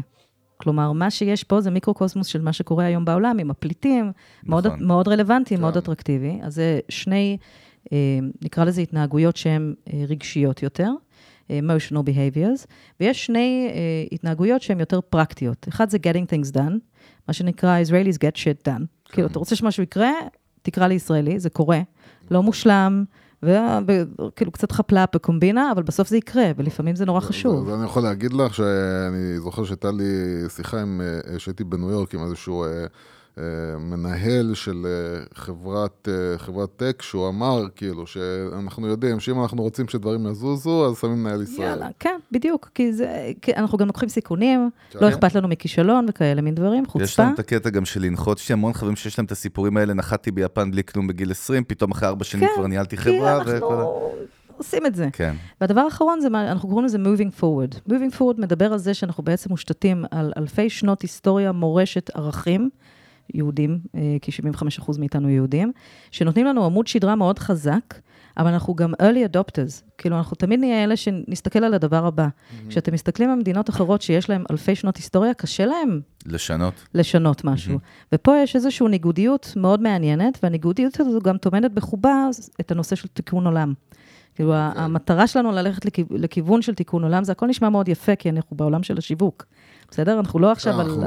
הצד לדעת מה- השלילי. מה עשיתם באמת. ברור, אני, רק יכול כן להגיד לך במאמר מוסגר, שכל מה שאמרת זה כל כך, אני חושב שהישראלים צריכים את המיתוג הזה נכון? כלפי לא, עצמם. זה, אז זה חלק ממה שאנחנו כי, עושים. כי בדיוק, זהו. זה חלק זה מזה. מעניין. אז אחרי שפיתחנו את הספר מותג, יש לנו ממש ספר מותג, הגשנו את זה גם כמו לנשיא. שאנחנו אוהבים. אה, אנחנו עובדים עם בית הנשיא על, אה, פרויקט. לקחנו את זה ואמרנו, אוקיי, יש לנו עכשיו את הסיפור, אנחנו יודעים מה המצב הנוכחי, אנחנו יודעים לאן אנחנו רוצים להגיע מבחינת תפיסות. עכשיו, איך עושים את זה? וביחד עם חברת הייעוץ פיתחנו מעל ל-20 פרויקטים שיביאו אותן, אותנו לשם. זו תוכנית של עשר שנים קדימה. הפרויקטים הראשונים, בגלל שהטכנולוגיה משתנה כל הזמן, והרבה מזה מבוסס על דיגיטל, אז אין מה לתכנן עכשיו עשר שנים ממש. אז אנחנו מתכננים חמש שנים קדימה, ואחרי ארבע שנים נעשה שוב, אה, עוד חמש שנים, וזה מתפצל לארבעה תחומי עשייה. אחד, הראשון זה שיווק קלאסי, כמו שעושה כל חברה. היא קונה שטח פרסום, והיא כן, מוודאה שיש לה מדיה. כתבות טובות, כל הדברים הרגילים שאנחנו רגילים לזה. זה שיווק. אה, רבעון נוסף זה בעצם זהות דיגיטלית, digital identity, שביום מן הימים זה יהיה שיווק. כאילו, שיווק ייטמע לתוכו. כלומר, שכשאני נכנס לגוגל, אה, או אני במדיה חברתית, מה המילה ישראל מעלה, אוקיי? ואפשר לשלוט בזה הרי. כל חברה עושה את זה, אז למה נכון. לא מדינה? כלומר, זה, זה נשמע הכי הגיוני. אה, אנחנו בפעילות הזאת כבר עשר שנים עושים את ה influencer marketing ודברים כאלה, מביאים לפה את כל המשפיענים. זה עושה חלק מהעבודה, כמובן שלא מספיק, יש עוד הרבה עבודה לעשות. אפשר לעשות SEO, אפשר לעשות מלא דברים. אה, מעבר לזה, יש אה, פרויקטים כאלה שהם ייחודיים, כמו לדוגמה, ג'ירו זה פרויקט, אומנם של סילבן, ואנחנו אה, בקשר טוב, אני מאוד מעריכה את מה שהוא עושה. הוא מזה, עכשיו הוא עושה את ה... אה, עם הפורמולה 1, הוא תומך בבחור שבדיוק נכנס לטים, אה, שהוא מזהה כל מיני דברים שבעצם אה, אה, אירועים שהוא יכול להביא לישראל. זה מה שמעניין אותו, הוא רוצה להביא אירועים גדולים לישראל. למה? כי אנשים עוקבים אחרי אירועים, ואז הם מגלים את ישראל. זאת אומרת, זה עוקבים גם בצורה דיגיטלית ובטלוויזיה, או שפיזית לא, באים זה לפה? ממש, נגיד, יש אנשים, אתה- הג'ירו ד- דיטליה, נגיד, לדוגמה, זה עוקבים שגם- אחרי זה כמעט מיליארד איש בעולם, כל שנה. אז סילבן הלך לג'ירו ואמר לו, אני, תביאו, תעשו את הביג סטארט בירושלים. אם אני זוכר גם את מדונה, אה, מדונה הוא הביא ל... בדיוק, למרות ל- שהאירוויזיון אמרת שזה היה של. המדינה, אבל באמת דווקא מדונה זה היה איזשהו אקסטרה כזה ש... כן, אני, אני, אני מודה, ואני מקווה שהוא לא יכעס עליי, אני אמרתי לו שאני לא חושבת שזה, נכון. שיש צורך. אה, שזה למרות לא שהוא... יהיה- לא לא יעלה ולא זה- יוריד? זה איזשהו אפקט וואו כזה, אני חושב, שכאילו, תראה, מה, כן. בסדר גודל הזה, זמר מגיע לאירוויזיון, זה דבר שלא קרה. נכון, נכון, וגם מדונה בקרב הקהילה הגאה היא מאוד מאוד היא אייקון. חזקה. על הדרך. היא קצת הרסה הכל בזה שהיא, כן, א', לא זייפה ברמות זה. מטורפות. לא, אבל החלק שהיא, שהיא הוסיפה את הפלסטין וישראל כן, היה כן. ממש נגד החוקים, וחבל, כן. כי זה בדיוק או, אז מחזיר זהו. לשיח הלא נכון. בדיוק, נכון. חבל, אבל בסדר. אה, לא, היא הייתה בעיקר טובה כי אף אחד בארצות הברית לא מכיר את האירוויזיון. נכון. אז היא כאילו הנגישה את זה לאירוויזיון, זה מצוין, אבל אה, זה לעשות אירועים בכל מיני קמפיינים גדולים. אה, ו... מה עם תוכן? מה עם יצירת תוכן? רגע, שנייה. אה, כן. והדבר האחרון, הרבעון האחרון, זה באמת מה שאמרתם, שצריך לדבר בעצם עם בעלי העניין, אוקיי? ב- במדינה רגילה זה באמת ה-private sector, אוקיי? שהממשלה באה ל-private sector, אם ניקח את הדוגמה של ההייטק, הממשלה יצרה את התנאים שה-private sector יכל לצמוח. מי שבעיקר עושה את הקידום של ההייטק הישראלי זה החברות עצמן. נכון? זה לא ממשלת ישראל שמשקיעה פה הון עתק בדבר הזה, וזה באמת מה שאמור לקרות במדינה אה, רגילה. אה, במקרה של ישראל, יש לנו את ה private sector הישראלי, ויש לנו גם את יהדות התפוצות. אז אנחנו הקמנו עכשיו אקדמיה, שבעצם מכשירה ישראלים ואנשים ביהדות התפוצות, איך לספר את הסיפור הישראלי לדור הבא. כי אנחנו קצת לא קלטנו שאנחנו מפספסים לחלוטין את הדור הכי חשוב שקיים זה לילדים בעולם. שלהם, זה לא איך, איך, לא, איך להגיד זה, זה, לחברים. ל, זה ל, לאדון שיושב מולי, שמסתבר שהוא מילניאל, נכון? אוקיי. שאתה כן, מתחת בטח. לגיל 40. ברור. אה, אנחנו חושבים על חבר'ה צעירים, כאילו הם כמו ילדים מטומטמים שמסתכלים בטלפונים שלהם. מרק צוקרברג הוא מילניאל, ואדם נוימן ו- וכל מי שהקים את Airbnb, הם כולם מילניאלים. הנסיך של ערב הסעודית הוא מילניאל, כן. ראש ממשלת פינלנד היא מילניאלית, גם של ניו זילנד. כן. כלומר, מקרון, אוקיי, הוא נכון. גם. כלומר, אנחנו לא מבינים שהם הם גם הדור הכי גדול והכי אה, משמעותי אולי, לא? מגוון והכי משמעותי מכל הדורות. כלומר, אז, אז אנחנו מפספסים אותם, כי אנחנו לא מדברים איפה שהם. הם לא נכנסים ל-CNN כל היום, ולכן זה יפה שאנחנו שם, אבל למה שלא נלך לכל הערוצים השונים שהם כן נמצאים בהם?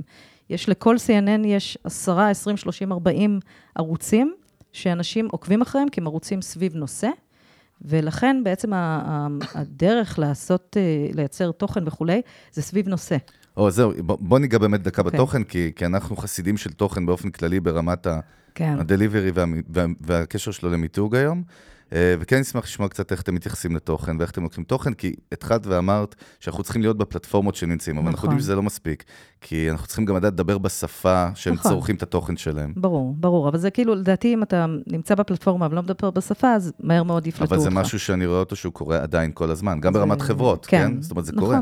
אז אנחנו איך קצת, אתם? כן, אה, לדעת. אנחנו קצת אה, בישראל אחורנית. אנחנו כאילו, כן. אני מסתכלת בעולם מאוד, ואנחנו, נכון. לדוגמה, הנושא של influencer marketing, שאנחנו ממש במקרה עלינו על זה ב-2011, בארץ אנחנו עדיין עוד לא קלטנו כמה כבוד צריך לתת לאינפלואנסרים האלה, ולהבין שאי אפשר לקנות אותם ב-500 שקל. אבל אני חושב שזה מתחיל יותר. ללכת לשם. ש... זה מתחיל, נכון, אבל זה כבר נורא מאוחר, אנחנו ב-2020.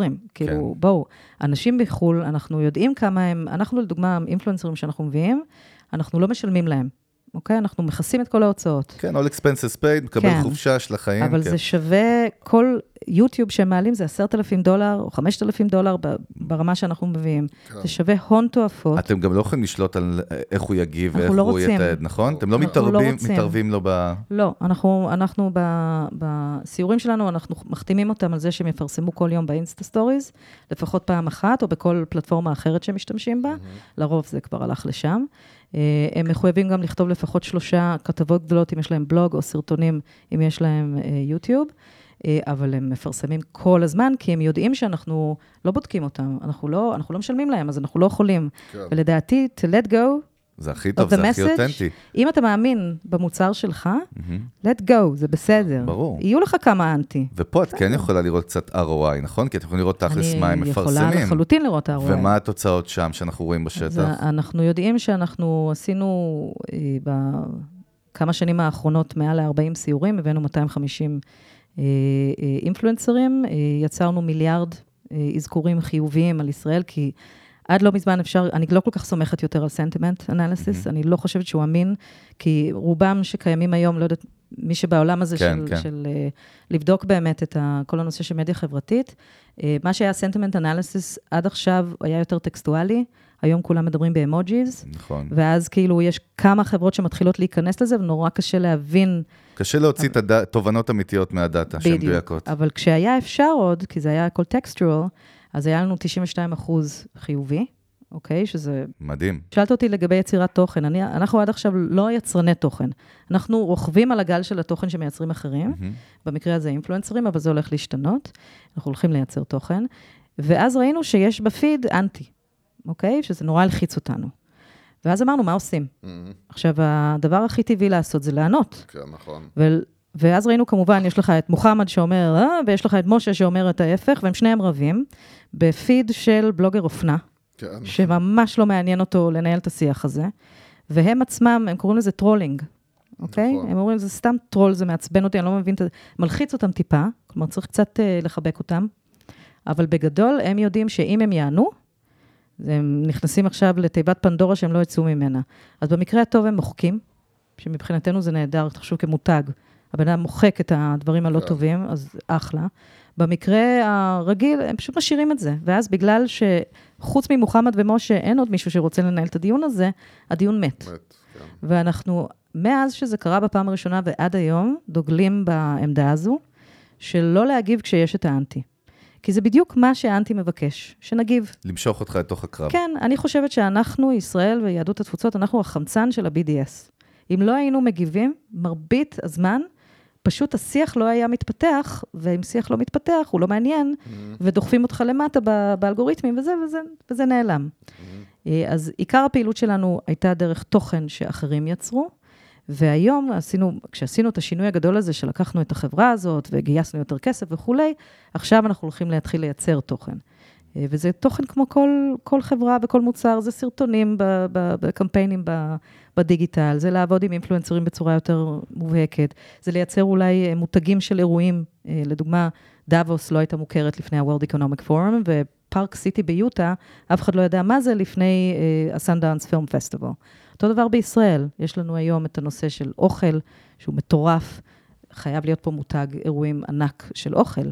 וכשאתה מסתכל, אין הרבה מותגי אירועים מאוד גדולים בעולם, שאנשים נוסעים רק בשביל זה, זה בעיקר נורא מקצועי. כאילו food festival כזה, מה? כן, אבל לא אוקטובר פסט כזה, שזה כאילו, כולם נוסעים בשביל הבירה, אלא אני מדברת על, הרי ישראל, מה יש לה להציע? זה, זה כל העולם, נכון. כי אנחנו 100 תרבויות שונות.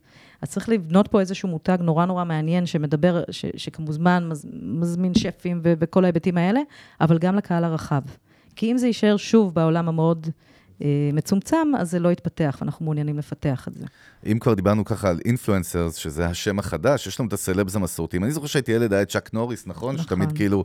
אז יש עדיין את האינטראקציה, או אתם, או שבכלל שאת יודעת עליה, שזה עדיין משפיע, הסלבס המסורתיים, זה עדיין מסייע ועוזר לנו? אני חושבת שהעולם עבר מחשיפה ולספור חשיפות ל engagement. כן. ומאחר- יותר ערך מאשר... אה. engagement מעיד על שיח שמתפתח מעבר לזה שאני, מישהו פעם הראה לי איזה... גם קשה יותר לקנות אותו. איזה תמונה של, אה, אה, אה, נכון, אה, של אה, ה-Statue of Liberty. ויש איזה נתון שאומר שהמרחק שהאנשים בעולם הצעירים גוללים כל יום שלהם בטלפון, זה הגובה של Statue of Liberty. אוקיי? אז כאילו, אוקיי, אז בן אדם אמר משהו נהדר על ישראל, צילם תמונה אחת והעלה את זה, מסי, אוקיי? כן. תמונה אחת. אני לא יודעת אם עקבתם אחרי הפיד של מסי כשהוא היה פה. הוא אולי העלה איזה תמונה, וגם זה בספק, אני לא חושבת אפילו שהוא וזה לא תייג את עשה כזה המיקום. אימפקט. זה, אני חושב אני, שגם בכלל. ניסה ניסה כל בטח תמונה להתחמק שלו- מבלאגן. יכול להיות, נכון, אבל כל תמונה שלו יש לה מאות אלפי אה, צפיות, כן. אבל אם אין מספיק כאלה, אז זה לא הולך. סלבים עובדים, וזה חשוב, ואי אפשר... מה שפחות אוהב, זה, אה, פחות עובד, עובד. זה אה, פרזנטורים. מהמם. כלומר, אף אחד לא קונה את זה יותר, זה פרסום. כן. וגם התחום של אינפלואנסרים קצת מתחיל לקבל שם לא טוב, וצריך נורא להיזהר מזה. כי אנשים והם יודעים צריכים- שזה מאוד ממוסחר היום כי כבר. זה קונים את זה. כבר- זה- היום זה כבר יודעים, פעם זה היה מאוד אבל זהו, זה דיסקרטי. אחד, אחד, Backstage אחד. הדברים שבאמת, אני חושב, זה המחלה של החברות פרסום שהן לא מבינות, זה שאנשים כאילו נהיו יותר ויותר חכמים. ברור. הם כבר לא קונים עכשיו את, אה, לא יודע, דוב נבון, או כל החבר'ה האלה שבאים עכשיו לייצג את בנק איקס. כן. זהו, יש לך לא עסק. עם דוב נבון, אתה גמור. מה, לא, תראה, דווקא לדוגמה, כשאתה אתה עם לוקח... צ'אק נוריס. צ'אק נוריס ודוב נבון כשם קוד, אה, זה פרסום, וזה בסדר. פרזנטורים, כמו שאמרת, זה כאילו, נכון. זה פרסום. אבל האינפלואנסרים זה בדרך כלל אנשים פחות מוכרים, שמוכרים מאוד לקהילה כן. יותר קטנה. ואז הם יודעים שאם האינפלואנסר הזה, שאף אחד לא שמע עליו, שם חולצה, אז החולצה הזאת, בגלל שרואים אותו עשרת אלפים איש, אז 200 חולצות יימכרו באותו פוטנציאל יום. קנייה, כן. כן. אוקיי? שזה זה, זה בדיוק מה שמחפשים, אולי לא בדיוק ב-ROI הזה. אה, האנשים האלה, בגלל זה העולם הפך, עובר ממקרו-אינפלואנסרים, שזה מה שאנחנו עושים, למיקרו. שזה הגדולים יותר, למיקרו, לממש מיקרו, אוקיי? כאילו, 2,000, 3,000. כן. כי ה engagement זה מה ש... למה? כי כשאתה מאוד מאוד גדול, אתה לא יכול להגיב לכל בן אדם. ואתה מרגיש שאתה רוצה לנהל שיח עם בן אדם. האינטראקציה הזו, זו אינטראקציה שזה מה שעבר מהמדיה המסורתית, שבוויינט, כשאתה עונה, זה טוקבק. אתה לא מדבר עם הבן אדם שכתב את הכתבה. כן. אתה מדבר עם עצמך בעיקר ועם אחרים. ועם אינפלואנסר, אתה אומר, וואו, זה מהמם, ממש יפה, ואז האינפלואנסר כאילו עונה לך, ואז אתה מרגיש שהוא חבר שלך. כן. ובגלל שהוא חבר שלך, אתה סומך עליו. זהו, מה שאמר דרך אגב, מה שג'ואנה אומרת, יוס, באמת, מה זה חשוב? כי הרבה מהקהל שלנו באמת זה business owners ואנשים מעולם הפרסום והדיגיטל. וכן, חשוב לדעת, זה לא מרשים אף אחד יותר אם יש לך דף עסקי או קבוצה עם 100 אלף אה, אנשים בפנים, המון פעמים זה הופך לבתי קברות, גם בעולם העסקי, וזה לא משנה אם זה ביזנס או עמותה, NGO, זה לא משנה נכון. מה. אם אין מעורבות, אה, משהו היום זה לא עבר עוד יותר אפילו, העסקים, לפחות בחו"ל, אני לא יודעת אם זה קורה גם פה, אה, אני מניחה שכן, אבל עסקים הבינו שהאינפלואנסר הכי טוב זה הלקוחות שלהם. ברור. ואז אה, אה, אנחנו רואים את זה בכמה מהחברות המאוד גדולות, שהם הם מזמינים את הלקוח להגדיר את הפרסומת. שים את השם שלך על הבקבוק, whatever, כאלה מין דברים. כן, אבל גם בעניין שלך, אני יכול להגיד, בגלל שהיה איזשהו שלב שיש לי כל מיני פטישים מוזרים כאלה, באמת. אוקיי. אה, ואחד מהם היה פתאום איזה rabbit hole כזה שנכנסתי אליו ביוטיוב, וזה לראות סרטונים של אנשים, ש... של תיירים ב... שעשו vlogs, כאילו, אחרי שהם תיארו פה. ופתאום אתה קולט כמה אתה לומד. מזה שאנשים פשוטים, ואנשים שהם מדבר איתך על אה, לא אלה שהם באמת, את, יש אנשים שאתה רואה שהביאו אותם פה בתור אינפלואנסר, שמישהו מימן את זה ושילם את זה, ואפרופו זה היה אה, אברהמס הוטל שעושים... אה, הוסטלס, שאנחנו נכון. הולכים להיות, אה, להיות אצלם, כן, אה, יופי. שעושים עבודה חזקה הם מאוד. מדהימים. אבל יש המון כאלה של אה, כמה מאות או כמה אל- אלפי צפיות. נכון. ואתה פתאום אה, רואה כמה האנשים האלה, קודם כל מגלים לך אה, בתור משרד החוץ, אני ממליץ לכם להתחיל אה, לשמוע את האנשים האלה, כי פשוט מגלים לכם איפה הפדיחות שלכם. ואת המנגל, כמובן. אה, ו- אבל, אבל אתה רואה כמה פתאום האנשים האלה מייצרים, סב... אתה, אתה מבין את ההיגיון של מישהי, מישהו כמוך, לבוא ולנצל את זה ולהגיד, והנקודה החשובה במה שדיברנו זה באמת להיות אותנטי. זאת אומרת, לא בדיוק. להתערב בזה. אז בדיוק. אני אוסיף וירים לכם על... תודה. לא, לא, אני מרים באופן כללי, אבל לא, הקטע הוא שיש לכם פה יתרון ברמת ה... כמו שאמרת, העולם הזה מתחיל להיות קצת פייק וקצת מבינים אותו, כשאינפלואנסר מ- מראה מוצר, אז יותר קל להסביר, אבל כשמעבירים אותו חוויה, חוויה הרבה יותר קשה לזייף. זאת נכון. אומרת, הוא לא יבוא עכשיו, זה השקעה בשבילו לזייף את החוויה, וואו, זה מדהים נכון. פה, ולהשקיע ואת הכתיבה של הפוסטים וכל זה.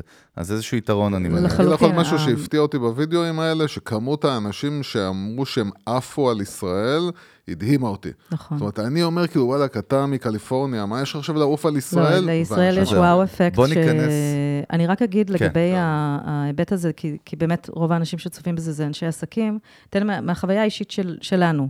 אנחנו עובדים עם uh, גופים מסחרים, אנחנו uh, מעט מאוד, אנחנו לא רוצים כאילו שזה יכתיב לנו את הטון של ברמת החוויה. התקציבים, חסויות וכאלה? קצת, ממש Mhm. קצת, כי הם חייבים, זה, זה אחד מהדברים שאני מתמודדת פה, ואני אומרת את זה לאומה.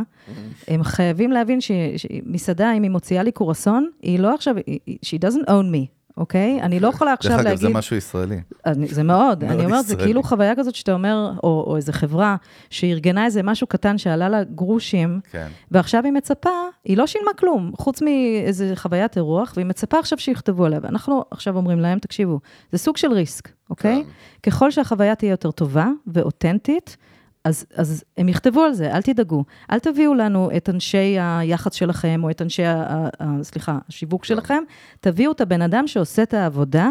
אם הבן אדם הזה עובר מוסע, מסך ומדבר את השפה, אוקיי? כי זה גם קצת בעייתי, אה, זה יעבור, כי יש משהו בחום ובאנושיות של הישראלים שמאוד תופס. כן, כן, ואל תהיה כאילו, אל תהיה במוד של מכירה. כן. תהיה במוד של מי שאתה ומה שאתה, ומה, או את, חשובה. ומה שאפשר כאילו להביא לחוויה. הרי אנחנו פנינו לחברה הזאת, החברה הזאת פנתה אלינו ואנחנו קיבלנו החלטה לכלול אותה בסיור, כי היא פשוט טובה. לא כי יש לי איזה אינטרס לקדם אה, כל חברה. אז אם היא טובה, אז לא צריך לעבוד כל כך קשה. זה כמו, אני בסיור הראשון שלי, שלא הבנתי בזה כלום. הסיור הראשון שלנו היה ב-2011 של אימ- אימהות בלוגריות. עולם כזה שהתחיל. כן. הבאנו חמיש, חמישה, אה, חמש נשים, לא היה לנו כסף להביא מארצות הברית, אז הבאנו רק מאירופה. שלחנו מכתבים לטופ מאמי בלוגרס באנגליה, ספרד וצרפת. נורא פחדנו. ואז קיבלנו תגובות, כאילו, free trip to Israel, מה אכפת לי? ועשינו דווקא, כאילו, ילדים, משפחה, הכי הפוך על הפוך.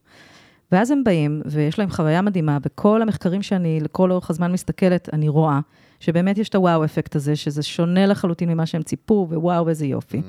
ואז אני יושבת עם ה top mommy blogger ב- באנגליה, אגב, יחד היה להם 60 אלף עוקבים, ביחד, חמישה. היום ביחד יש לנו מיליונים. תחשבו על ההבדל כן. של מה שקרה לאורך השנים. ואני שואלת אותה שאלה הכי אמיתית, כי הייתי אימא, ואני כאילו, בסך הכל הבנתי קצת את העולם הזה. אמרתי, תגידי, אם אני חברת אה, אה, נו, אה, vacuum cleaner. אה, שואבי אבק. שואבי אבק. ואני שולחת לך, כי את כאילו אינפלואנסרית, אני שולחת לך את המוצר שלי. כאילו, מה עושים? מה עושים אם הוא לא טוב? מה, מה, כאילו, זה לוקחת סיכון. והיא אמרה לי דבר שעד היום מחזיק אצלי, שזה, את צריכה להאמין במוצר שלך. אם המוצר שלך הוא חזק מספיק וטוב מספיק, את יכולה לקחת את הסיכון שאולי יש איזה פלטות קטנות, אבל בגדול המוצר הוא אחלה. אינפלואנסרים טובים יודעים לא להגיד דברים לא טובים, אוקיי? אז מה הם עושים? הם אומרים, זה ה pros וזה ה cons, ואז כן. ה cons הם קטנים, כדי שזה כן. ייראה כאילו אותנטי, וה pros הם גדולים.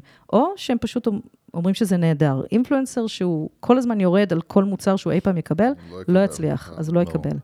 אז let go of the message, believe in your product, זה כאילו בעיניי הדבר בעולם של influencer marketing. כי אחרת זה הכל, הוא ב marketing לעוס בכלל. מבחינתי כל ומחול. מה שאמרת רלוונטי מחול. לכל מי שמתעסק ב marketing היום. ומה שיותר רלוונטי זה אה, באמת זה ה mode הזה התמידי של כל בעל עסק למכור כל הזמן נכון. לדמות של מכירה, במקום להגיד, אוקיי, easy, easy. נכון. זה כמו שאנחנו לא כל היום מוכרים את עצמנו. אוקיי, אנחנו לא מסתובבים כל היום ומוכרים את עצמנו, אלא אם כן אנחנו אנשים שרק עושים כן. סלפים כל היום, אבל אנחנו מוצר מהלך. אז בהוויה, בפגישה הראשונית, בכל דבר שאנחנו עושים, אם אנחנו overthinking it, אז כולם ידעו, זה לא מרגיש אותנטי, ואי אפשר להתחבר לבן אדם. זה.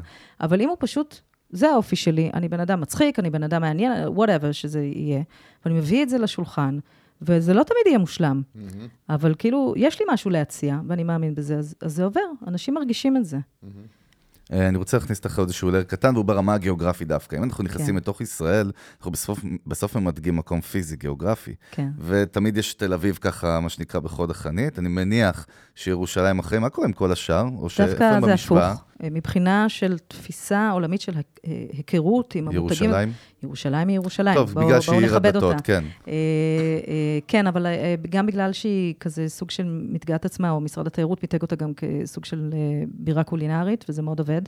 יפה. ומה שקורה בחמש, עשר שנים בירושלים, שלא קרה כל השנים האלה, זה, זה יפה מאוד. תל אביב עושה את זה בצורה יותר אסטרטגית, ואני מקווה שלא יכעסו עליי, אבל היא פשוט באה ועשתה תהליך שנקרא... nightlife, אני תל אביב. מבחינתי nightlife, לא, כאילו... זה נונסטופ city. כן, nonstop city זה nightlife, נכון. זה גם עסקים. זה, זה מקום מאוד מאוד, ו- והיא חייבת לעמוד בהבטחה הזאת כל הזמן. אז זה בסדר שסוגרים את תל אביב חצי מהזמן בשביל מרתונים וכאלה, ככה זה. כאילו, זה העיר. זה עושה לך טוב או לא עושה לך טוב, כן. זה המחיר של הדירות פה, כנראה שזה טוב מספיק. אז יש את תל אביב, יש את ירושלים, והיום יש, אה, אני מאוד איפה מנסה... כל השאר? זאת אומרת, אתם מסתכלים לא, ברמה לא, הגיאוגרפית. אני- זה אני השאלה. גם- אני אגיד לך בהקשר של זה, בתור מי שעבר אה, קילומטרז' של מאות אה, תיירים וולוגים, אני יכול להגיד לך שזה נראה כל כך עלוב, באמת. הם הולכים ל- לים המלח, הם הולכים לירושלים, הם הולכים לבית לחם וזה, מי שנוצרי, ותל אביב, ואז פתאום הם הולכים לך לחיפה, וזה נראה פשוט עלוב, והם הולכים לטבריה, וזה נראה, פשוט, הכל נראה כאילו... וכאן הגיעה באמת השאלה שלי, איך אתם עשיתם, וואו, כאילו, תודה שגנבת. לי את השאלה שלי, יוסי. לא, עשיתי אותה, עשית I את made צורה it better, I made it better. כן, כן.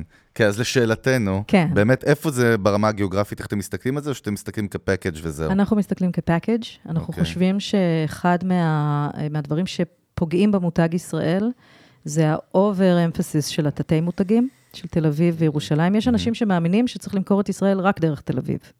עכשיו, אני תל אביבית גאה, מאוד. אני אפילו בדירקטוריון של תל אביב עיר עולם, I'm into it. אני מאוד מאמינה בעיר שלי.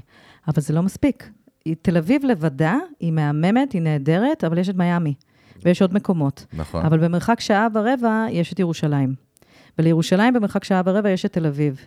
ועוד שעה מירושלים יש את ים המלח, וצפון, דרום וכולי. הנגב זה כאילו טירוף, כל ה-outdoor travel כן. ודברים כאלה, אנשים חולים על זה. אה, ישראל היא פאקג'? בעיניי. היא חלק, בעיניי היא צריכה להיות חלק מהנגב, כן. אה, כפאקג' אה, אה, של destination. אנחנו לא עושים destination branding, ולכן אני לא מתייחסת לישראל כ destination, כמו שאני מתייחסת אליו כמקום שיש לו הוויה, שאני מנסה להציג אותה. את ה experience, כן, כן. בסופו של דבר זה ה experience. נכון, אז בהקשר של הסיורים שלנו, אנחנו תמיד מתחילים בירושלים, כי זה מה שאנשים מכירים. אנחנו לא רוצים, כאילו, זה סיפור, אנחנו מספרים להם סיפור על ישראל. אז הם נוחתים במקום שהם די כאילו ציפו. שהוא גם מקום מטורף, זה נראה כמו סט של סרט. כאילו, מי שלא מכיר את ירושלים. מקום נהדר. בתוך ירושלים אני מחפשת את הנרטיבים של ה- ה vibe הזה שדיברתי עליו. אה, מחנה יהודה בטוח איפשהו נוגע שם. כמובן, בעיקר האנשים. אנחנו לא באמת מראים מקום, מקום אנחנו מראים את האנשים, כי נכון. המסר של ישראל, חי... חייבים להאניש אותו, באלף, אה, ולרכך אותו. והישראלים מדהימים, באמת. כאילו, כשאתה רוצה לחפש ישראלים שעושים דברים מדהימים, בכל תחום אתה תמצא אותם, אתה פשוט צריך לחפש. כן. אז אנחנו מתחילים בירושלים, מחפשים את האנשים שיכולים לייצר את החוויה הכי מעניינת. הדבר התיירותי היחיד שאנחנו עושים בכל סיור זה סיור של העיר העתיקה. כי בכל זאת, מהמם. אבל אם זה אדריכלים, נעשה סיור אדריכלי של העיר העתיקה, ואם זה אוכל, נעשה סיור אוכל של העיר העתיקה. זהו, שזה עוד נקודה, זה בעצם אתם מתאימים את, ה... נכון. מתאימים את הסיור, ל... ל... נכון. נותנים ערך אמיתי לאנשים. נכון, המגנט הוא לא ישראל, המגנט הוא, אם אתה עולמות- בלוגר של אוכל, אז אוכל. עולמות התוכן שלהם. בדיוק. זה, ה- בעיניי זה הסיפור, כאילו, בשביל מותג כמו ישראל. דרך אגב, וואי, איזה נקודה, הבאת לי עכשיו שממש חשובה, שאנחנו מדברים על יצירת תוכן לעסקים, שזה כלי שהוא מאוד חשוב, הרבה פעמים מייצרים את התוכן כמו שהם רואים אותו בעיניים, וזה ממש לא נכון. נכון, זה בעצם כמו אצלכם. נכון. חייב לייצר תוכן שמעניין אה, את ה end consumer שלך, לצרוך ואיך אותו. המותג שלך נכנס לתוך הסיפור שמעניין את ה end consumer, ולא שהסיפור הוא המותג. נכון? זה בדיוק ה... וזה זה מה שאנחנו עושים עם ישראל, אנחנו לא... מה- אנחנו כל הזמן כמובן דוחפים את, את ישראל ואת ה, את הביטוי הזה. אנחנו גם בתחילת הדרך, אנחנו עושים איתם פגישה, ואנחנו אומרים, הנה הסיפור של ישראל, אנחנו מציגים לכם אותו, ואתם תג, תראו את זה לאורך כל השבוע, ואז אנחנו מכניסים להם מילים שבסוף הם כותבים על זה, שזה כאילו שיווק יחסית אפקטיבי. כן. אה, אז אנחנו מתחילים עם ירושלים, אה, או נוסעים צפונה או דרומה, כי זה פשוט עושה את העבודה. כאילו, אף אחד לא יודע שהגליל או whatever זה כמו טסקני, בסדר? לא בהכרח טבריה, זה, כן. סליחה, טבריה, אבל אנחנו עוצרים בחיפה לפעמים, ועוצרים בעוד מקומות, כי יש בכל מקום את מה שצריך להראות, אה, וגם בטבריה אם צריך, אה, או דרומה, אי אפשר את שניהם בשבוע. אה, ואז אנחנו סוג של מסיימים בתל אביב, או עושים טיולי כוכב סביב תל אביב, כי אנחנו רוצים שבסוף המסר יהיה ישראל המודרנית, הליברלית, ה- ה- שמדברת מאוד לצעירים, שמדברת בערכים של הצעירים. יש להם. הרצאות או כנסים או משהו, לא. שום דבר, זה לא. הכל טראבל רגיל לחלוטין. זה לא טראבל. אלא אם אה. כן זה סיור של בלוגרי או משפיעני טראבל. אוקיי. כלומר, הסיור אה, הבא שיש לנו הוא סיור אוקיי. אוכל. אה, נכון, אמרת שזה מאוד אוקיי? ממוקד אז זה לא. טראבל. כן. זאת חוויות, הכל סביב אוכל, ואיך אתה מעביר את הנרטיבים דרך אוכל. אה, וחוויות שונות, אה, אנחנו לא עושים הרצאות, זה משעמם. אה, זה לא מעניין. זה כבר נחמד לדעת שאתם מבינים מה משעמם ומה כן. לא. אז אנחנו לא עושים הרצאות, זה הכל חוויות. כן. אה, אה, אחת מהחוויות שאני מאוד אשמח לתת להם כזה, להרים אותם, זה חוויה שקוראים לה בצוותא, שזה ארוחות שישי בבתים של אנשים נכון, זה טרנד רגילים. שהוא מאוד מתחזק עכשיו זה בארץ. מקסים בעיניי. אה, אה, זה- זה משהו, יוסי, אתה- בתור מי שראה, וכמו שאמרתי לך, מאות אה, זה, אז אני ראיתי באמת המון אנשים שמדברים על זה שהזמינו אותם אפילו מאברהמס אה, לארוחת הוסטל. שישי נכון. כזה? אותם מה? לארוחת שישי והם עפו על זה. ארוחת שישי, יש לי קטע אה, נורא נחמד מאח- מאחד מהסיורים האחרונים שלנו. אנחנו תמיד עושים ארוחת שישי בבית, אוקיי? אה, הישראלים לא מבינים עד כמה הדבר הזה אה, מחמם את הלב, כי זה לא קורה במקומות אחרים. נכון. אני לא מצליח להבין, מה, בעולם לא אוכלים לא. ארוחות ב weekend ביחד? מה? קודם כאילו? כל, לא כי יש מרחק.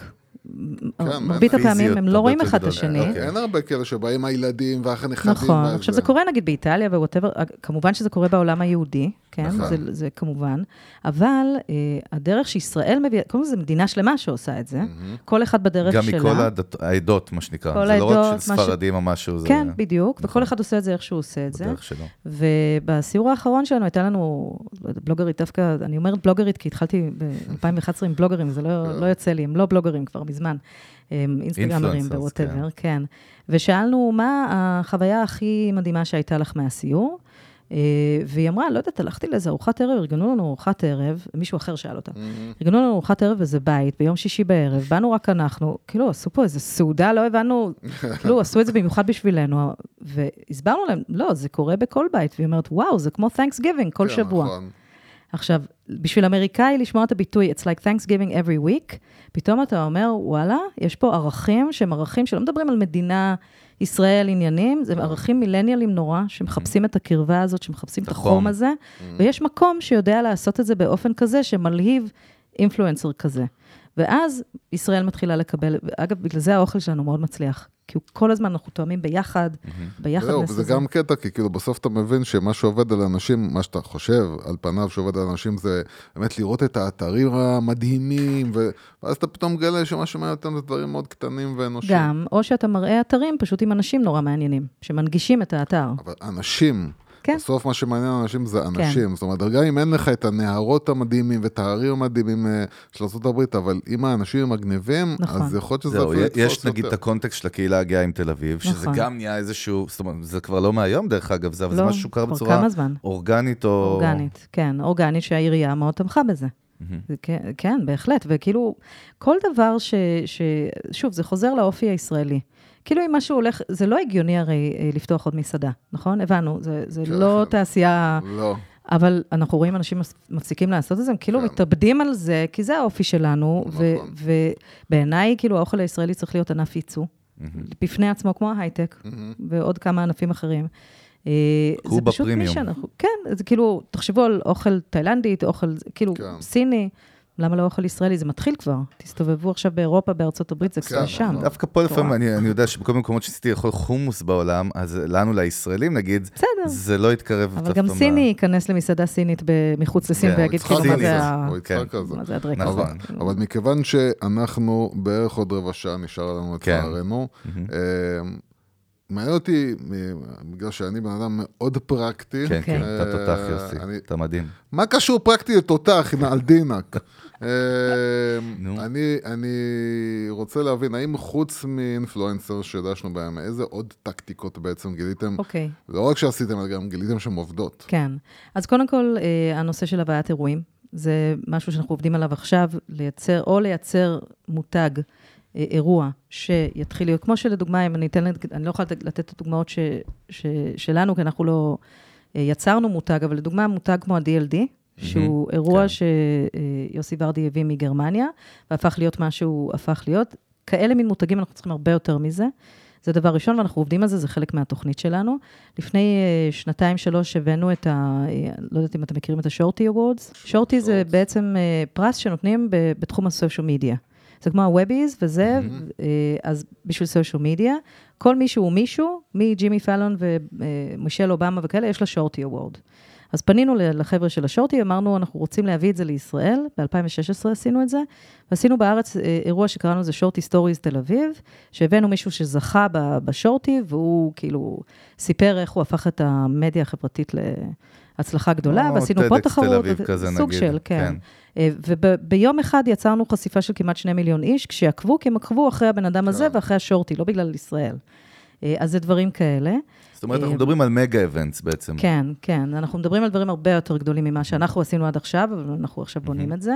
אנחנו מדברים על ממש הכשרה של, אנחנו בונים בעצם עשרת אלפים שגרירי המותג ישראל, Israel Brand Ambassadors, שאנחנו ממפים וממש הולכים לבחור אותם בפינצטה, בגלל זה התחלנו גם את האות מיתוג ישראל, שצריך להכשיר אותם, איך לדבר את ישראל, איך להציג את ישראל. לדברר, כן. כן, בדיוק. שזה אומר, במדינות אחרות, יש ממש אה, אתר שאתה הולך אליו, ואתה יכול להוריד משם stock photos ו videos ואינפוגרפיקות ו-recommendations. חומר שאתה יכול להשתמש חומר בו. על המותג, מדהים. שנקרא המקום שלך. מגניב אוקיי? לאללה. אז אנחנו הולכים להשיק את זה במרץ. אה, אנחנו עובדים בעיקר עם יהדות התפוצות, כי אנחנו מרגישים ששם צריך יותר עבודה. שם הסוכנות קצת עושה עבודה, או תמיד עשתה סוג של... סוכנות קהל היעד שלה הוא יהודים. הוא יהודים, כן. כן, אז זה משהו אחר. אנחנו מדברים לא בהכרח על יהודים, אבל גם. אה, אנחנו מאמינים שמילניאל יהודי הוא מילניאל. אז כאילו, אם הבנו איך לדבר עם מילניאל, הבנו איך לדבר עם מילניאל יהודי, למרות שזה כמובן הרבה יותר מורכב. אבל אם ננמיך קצת ודאם את דאון, ולא נ- כל היום לחשוב על זה יותר מדי, כן. אם, נ- אם נעשה משהו קול, אז הבן אדם יהיה שם, לא משנה אם הוא יהודי או לא יהודי. כאילו, קצת uh, overthinking את כל הסיפור הזה. אז, uh, אז אנחנו גם, יש לנו ממש מערך הכשרה שלם שאנחנו פיתחנו, ואקדמיה, שאנחנו uh, מתחילים לקבל גם פניות. בגלל הפעילות שהתחלנו לעשות, של אנשים שנוסעים לחו"ל ומבקשים, כאילו, בואו תכשירו אותי, או מה אני עושה. כי עד עכשיו ההכשרה היא הייתה יותר, מה אני עושה אם מישהו אומר משהו נגד, איך אני עונה. אנחנו לא בעולם הזה. רוצים, יש ארגוני הסברה שיעשו את זה. אנחנו מדברים על איך אני מייצר שיח שהוא בונה מערכת יחסים. אה, אז יש לנו ממש הכשרות בתחום הזה. אה, כמובן, קמפיינים דיגיטליים, לי יש חלום, שיש עוד חלום, כמה חלומות. אה, אני תמיד כשאני נוסעת לחו"ל, בגלל שאני על הקו הרבה עם ארצות הברית, אין לי אף פעם מה לאכול לארוחת בוקר.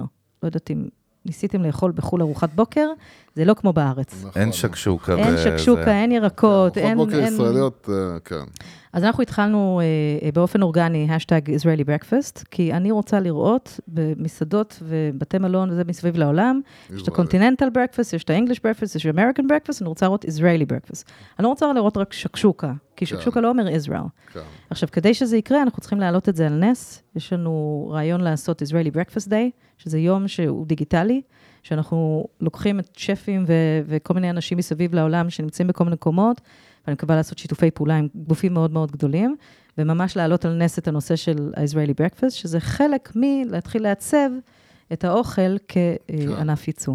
אז זה קמפיינים, זה כל, כל הדברים ש, שכל חברה עושה, זה, אני יכולה לפתוח לך את ה-20 פלוס פרויקטים שיש לנו, הם אה, מפורטים. אני חושב שככה, אה, קודם כל, זה מעניין מאוד. אני חושב שכל ישראלי צריך לשמוע פשוט את הפרק הזה. אה. כי זה סופר חשוב, ובואו נסיים דווקא בישראלים. מה את חושבת שישראלים צריכים או לא יודעים שהם צריכים לדעת אה, דווקא על ישראל. מעולמות התוכן שלך? וכמו שאת אוהבת להגיד, את אומרת מילה אחת, איך, במד... מה המשמעות של מדינה מילה? אולי כן. במשפט שתיים ככה, באמת שתיתן איזשהו, איזושהי תמצית. תראו, אני חושבת שמה שאנחנו לא מספיק מעריכים, זה אה, באמת את העוצמה במגוון שיש כאן, אה, וברב-תרבותיות הזו, שנראית לנו קצת מעצבנת לפעמים, זה סופר סקסי וסופר אטרקטיבי לאנשים מסביב לעולם. אה, ואנחנו צריכים לשים לב לזה יותר. אנחנו הולכים למסעדות וזה מגניב לנו זה, אבל אנחנו נורא מקטינים את עצמנו. אני חושבת שאנחנו צריכים קצת לכבד את עצמנו יותר. אה, אני פחות חושבת שהנושא של הסטארט-אפים הייטק וזה, זה מסר שהוא הוא רחב מספיק. אני הייתי הולכת לכיוון יותר של באמת כל מה שאנחנו עושים בעולם, האוכל, האופנה, העיצוב, ה-wellness, כל הנושא של wellness הוא מאוד מאוד חזק. אה, אבל הכי חשוב זה שאי אפשר לדבר על משהו שהוא לא בקונטקסט. כלומר, זה לא שעכשיו תעמוד ותיתן נאום. אם מתחילים לנהל שיחה, ויש לך סיפור אה, אישי שאתה יכול לספר בעולם תוכן שמעניין את מי שעומד מולך, אז תתחיל לדבר על זה, ותתחיל לנהל את הדיון הזה. ובעיקר, ת- רוב האנשים שאני מכירה שנוסעים לחו"ל וחוזרים, אומרים את אותו דבר. נסעתי לחו"ל, חשבתי ששם, אה, ורק אז הבנתי מה באמת יש לישראל להציע. אבל מכיוון שאני גם רוצה... כמובן שאתה אה, חייב. להגיד את המילה לא, האחרונה. לא רק שאני אגיד את המילה האחרונה, כן. אני רוצה לתת את, ה, את הערך האחרון. ועם כל הכבוד... אפילו לג'ואנה לקחת את זה, לא, כאילו. אין בעיה, אנחנו. באמת בתור, מסר, אה, נחמד. כאילו שיהיה לנו גם איזשהו פעם פודקאסט שלא יהיה רק אה, זה, אלא באמת גם איזשהו משהו כזה, אה, להרים את המצב רוח. אבל כן חשוב לי ומעניין אותי האם יש אה, שלושה או ארבעה או חמישה, לא יודע כמה, כמה דברים, המסקנות שלך העיקריות מכל הניסיון הגדול שלך אה, למתג מוצר שהוא לא קל למיתוג. כן. מה, מה המסקנות הגדולות שלך של, של, אה, מהמסע הזה, שוואלה, תובנות, בוא נקרא לזה תובנות. התובנה הראשונה היא לא להניח שאני יודע מה המצב בחוץ. דבר ראשון, כלומר, קודם כל אתה רוצה, אתה עובר איזשהו תהליך ואתה צריך עכשיו לעשות rebranding או משהו כזה, או אתה לא מבין משהו, תעשה מחקר, שוק, כאילו אני, יש אנשים שממעיטים בחשיבות הזו, אבל אני חושבת שאנשים נהיים נורא רגשיים, ואז כשאתה רגשי, אתה לא באמת רואה את הדברים כמו שהם, ויש תיבת תהודה כזו, אתה שומע את מה טוב. שאתה רוצה, אז אה, קודם כל להבין, כי אחרת הייתי כל היום מתעסקת בלהסביר למה אנחנו במדיניות מול הפלסטינאים, אבל אם אני טוב. מבינה שהעניין הוא דווקא לא זה ומשהו אחר, אז אני צריכה לדעת איפה אני. אז קודם כל, לא להניח שאני יודע, כן. ולא להקשיב רק לאנשים שאני מכיר, אלא דווקא ללכת, ואני נגיד עוקבת אחרי עמודי, עמודים של פוליטיקאים שאני לא תומכת בהם, כי זה נורא מעניין אותי איך הם כן. מדברים עם הקהלים שלהם, כן. כדי להבין מה באמת קורה. אני חושבת שזה אחד מהדברים הכי חשובים. הדבר השני, וזה חוזר על עצמו, זה באמת לא להיות emotional about it. כאילו, צריך להיות פה מאוד, לשים את הרגש בצד ולהיות מאוד פרקטי לגבי הדבר הזה, ואם משהו לא עובד, אז scrap it, וכאילו לעבור לדבר הבא. אה, ולהקשיב לשוק, כי השוק מדבר נורא מהר היום. וברגע שמשהו לא הולך, כאילו, תפסיק, זה בסדר, זה לא קרה כלום. אה, מעבר לזה, אני חושבת שהנושא האסטרטגי הוא מאוד מאוד חשוב. כלומר, זה לא קמפיין, עשית קמפיין אחד מעולה, כאילו, אי אפשר לנוח עכשיו, צריך להמשיך, הנושא הזה של הקונסיסטנטיות, כן. ולהבין שזה לא נגמר. זה לא נגמר ever. ולבסוף, אני מאוד מת, מתחברת למה שאתם ומה שאתם מייצגים, שמיתוג בעיניי זה האסנס של הכל. קודם כל נבין מי אנחנו, מה אנחנו, מה ההבטחה שלנו, ואז נדע איך השיווק שלנו ייראה, איך ה-point of contact עם ה... התרבות הארגונית, הכל נגזר משם. הכל, כן. כן. כאילו, אני פעם ישבתי באיזו חברת טלפוניה, אני לא אגיד איזה, ואני מחכה שיטפלו בי, ויש שם איזה שלט שאומר לי שזה החברת טלפוניה שנותנת את השירות לקוחות הכי טוב שיש, ואז אני פוגשת את הבן אדם, והעניבה שלו חצי ככה, והחולצה שלו מזמן אפורה, כן. והוא אומר לי, אחותי, מה קורה? וכאילו, אני אומרת, אבל זה לא... כן. אז אתם יודעים שזה לא החברה הספציפית. לא, יש לנו הרבה לא סיפורים. אנחנו תמיד, הרבה פעמים בפרקים, לא תמיד, אבל מספרים על חוויות שאנחנו עוברים ב-day to day, וכן, הרבה פעמים מספיק נציג אחד ככה שיעשה, ובגלל שאני לא רגשי בכלל, ואני לא אתן לי יוסי לסיים בשאלה לא, האחרונה, אני סיימתי. אז מצוין, אז, אז באמת, רק, רק אני, אני- כדי שאתה באמת תסיים, אני אגיד כן. רק שבאמת שנהניתי מג'ואנה מאוד. יוסי, אבל את זה. אומרים אחרי, אתה היום, כאילו התוכנה שלך היום בראש ממש, עובדת ממש, רוורס ממש, כל וקדימה. הכבוד, את ממש חבל על הזמן. תודה אה, רבה. פרק מבחינתי מרתק, ויאללה, סיים. תודה. אולד מן, שב בצד. בקיצור, באמת, יש לנו הרבה בעיות גם עם מיתוג אה, בעולם, וזה אותם שגרירים הפוכים. אותו, אותם שתי חבר'ה ביוון שעכשיו, אה, אה, סתם, לא דוגמה היא, אבל אותו ישראלי שעכשיו הרס חדר מלון בטורקיה, או אותו ישראלי שלח מכות במטרו בבולגריה. נכון. אה, כמה, כמה אתם מסתכלים על זה, או איך אפשר לטפל בזה, או שזה, אנחנו לא... אני חושבת שקודם כל יש ארגונים אחרים שמתעסקים בזה, או, אז ואני... יש... רוצ- לא, כן. אני, תראה, יש שגרירים של רצון טוב ודברים כאלה, ובאמת הכשרות שמנסים לעשות לאנשים, אני חושבת שאף מותג לא מושלם. אין כזה מדבר. אני אה, רוצה לקוות, ש- לדוגמה, הסיפור שהיה עכשיו בקפריסין כן, וכולי, כן. זה כאילו, זה מוציא אותנו מזעזע בעיניי, גם אם זה לא קרה או כן קרה. זה כוחו של אה, מיתוג גם לרע. זאת אומרת, שאנשים נכון, תופסים נכון, את ה... אה, וצריך לטפל בזה. אני, ב, ב, אתה יודע, יש לי רק כמות מסוימת שאני יכולה לטפל בו, אני מקווה שיום אחד אני אוכל להרחיב, אה, אבל אני לא חושבת שצריך לצפות לשלמות. כן. וזה בסדר, זה בסדר, יש כמה תפו, תפוחים רקובים. כן, אנשים גם צריכים להיות בעצם מספיק אינטליגנטים בשביל להבין ש... זה, זה נורא נורא חשוב, ואני חושבת שזה בהחלט, אני כמו ש... אני חוזרת לזה שאנחנו, כל אחד מאיתנו סוג של שגריר. אני לא הייתי רוצה לחשוב שאנשים מסתובבים איזשהו כובד על הכתפיים. אני כן הייתי רוצה לחשוב שהם בני אדם, והם לא רוצים סתם זה להשאיר מתחיל מקום ונגמר, מלוכלך. אני מניח, בחינוך. כן, כן, ויש, אני פשוט, אני, אני באמת מבינה שאני בפוקוס שלי, אם אני עוברת מהפוקוס, שאני אתחיל עכשיו לחנך ישראלים איך להתנהג, כן. או אני אתחיל עכשיו לעשות הסברה קלאסית, אני לא אצליח להישאר בתוך המקום שלי, שאולי זה עוד דבר, שצריך להישאר נורא בפוקוס. פוקוס. ולא להימשך. לכיוונים, כן. כן, טוב, חברים, אני חושב שזה היה פרק באמת מגניב ומרתק, ומאוד מאוד חשוב ל... אפילו נצא פה מהעולם העסקי והביזנס והיזמות והדיגיטל, ובכלל כל ישראלי. אולי סבתא שלי אפילו תשמע את הפרק הזה. אז באמת, קודם כל, רוצים להודות, להודות לג'ואנה, תודה, תודה על לכם. האירוח, היה לנו ממש מדהים, ושאפו על העבודה הנפלאה שאתם עושים. תודה. אנחנו מזמינים, אגב, בראש. אה, זהו, מי מה- מה- שמעוניין... מה האנשים- מה מה האנשים שלנו יכולים לעזור? אוקיי, אז קודם כל, שלנו. אה, האנשים שלכם, peeps, זה מה ש-. זה מה. שמרכיב את ישראל. בבקשה. אז קודם כל, מאחר וכן יש לנו את הסיורי משפיענים האלה, ו- ואנחנו סביב כל מיני נושאים מוזמנים ליצור איתנו קשר אם הם מעוניינים. איך? באתר? יש לנו אתר, vibeisrael.com, יש שם את כל פרטי הקשר, יש שם כל מיני פעילות שאנחנו עושים, אה, אה, שאפשר לראות מהי. אה, אז זה דבר ראשון, אם הם חושבים, ש... אבל הם צריכים לבוא, אני מבקשת, מי שבא והוא חושב שהוא עכשיו נותן לי איזה משהו ואומר, עכשיו אני כאילו, את, את, את צריכה- היית- עושה את מה שאני כבר, אומר, כן. אני כאילו גדול עליי, אני מודה, סליחה שאני... מה שנקרא, תבוא מכל הלב. כן, אני לא צריכה ציונות וזה, לא, אני, המטרה היא לעשות טוב לעסקים, כן. אבל צריך קצת, אה, וזה עוד משהו, subtlety, אני לא יודעת, מה זה, איך אומרים את זה? ב... עדינות אולי? מעודנות, מעודן, כאילו. מעודן, כן. השיווק האגרסיבי הוא פשוט לא, זה לא טוב היום. אז קצת, מעוד, קצת בעדינות, קצת להבין ש, שזה ה, ש, שככה זה עובד, זה פשוט טוב. כן.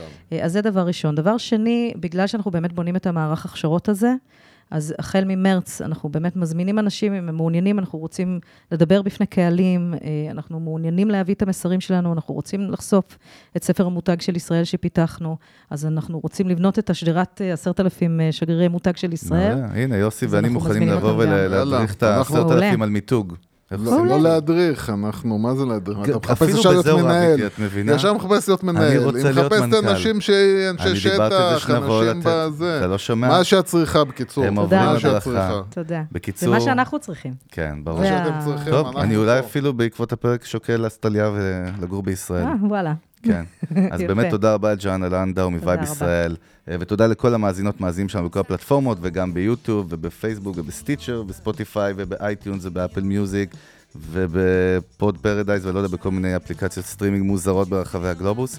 אה, אנחנו מזכירים לכם שיש לנו, אחרונים 66 פרקים של ערך מדהים באמת לכל בן אדם שקשור לעולמות האלה, אז תשתפו את הפרקים, תעבירו אותם. אנחנו היינו צוות המנגל, אה, חגי גולדובסקי עם ברד ניישן, טיוס הגדול, יוסי פוקוש, ברנד אייל, נתראה בקרוב. ביי. ביי ביי.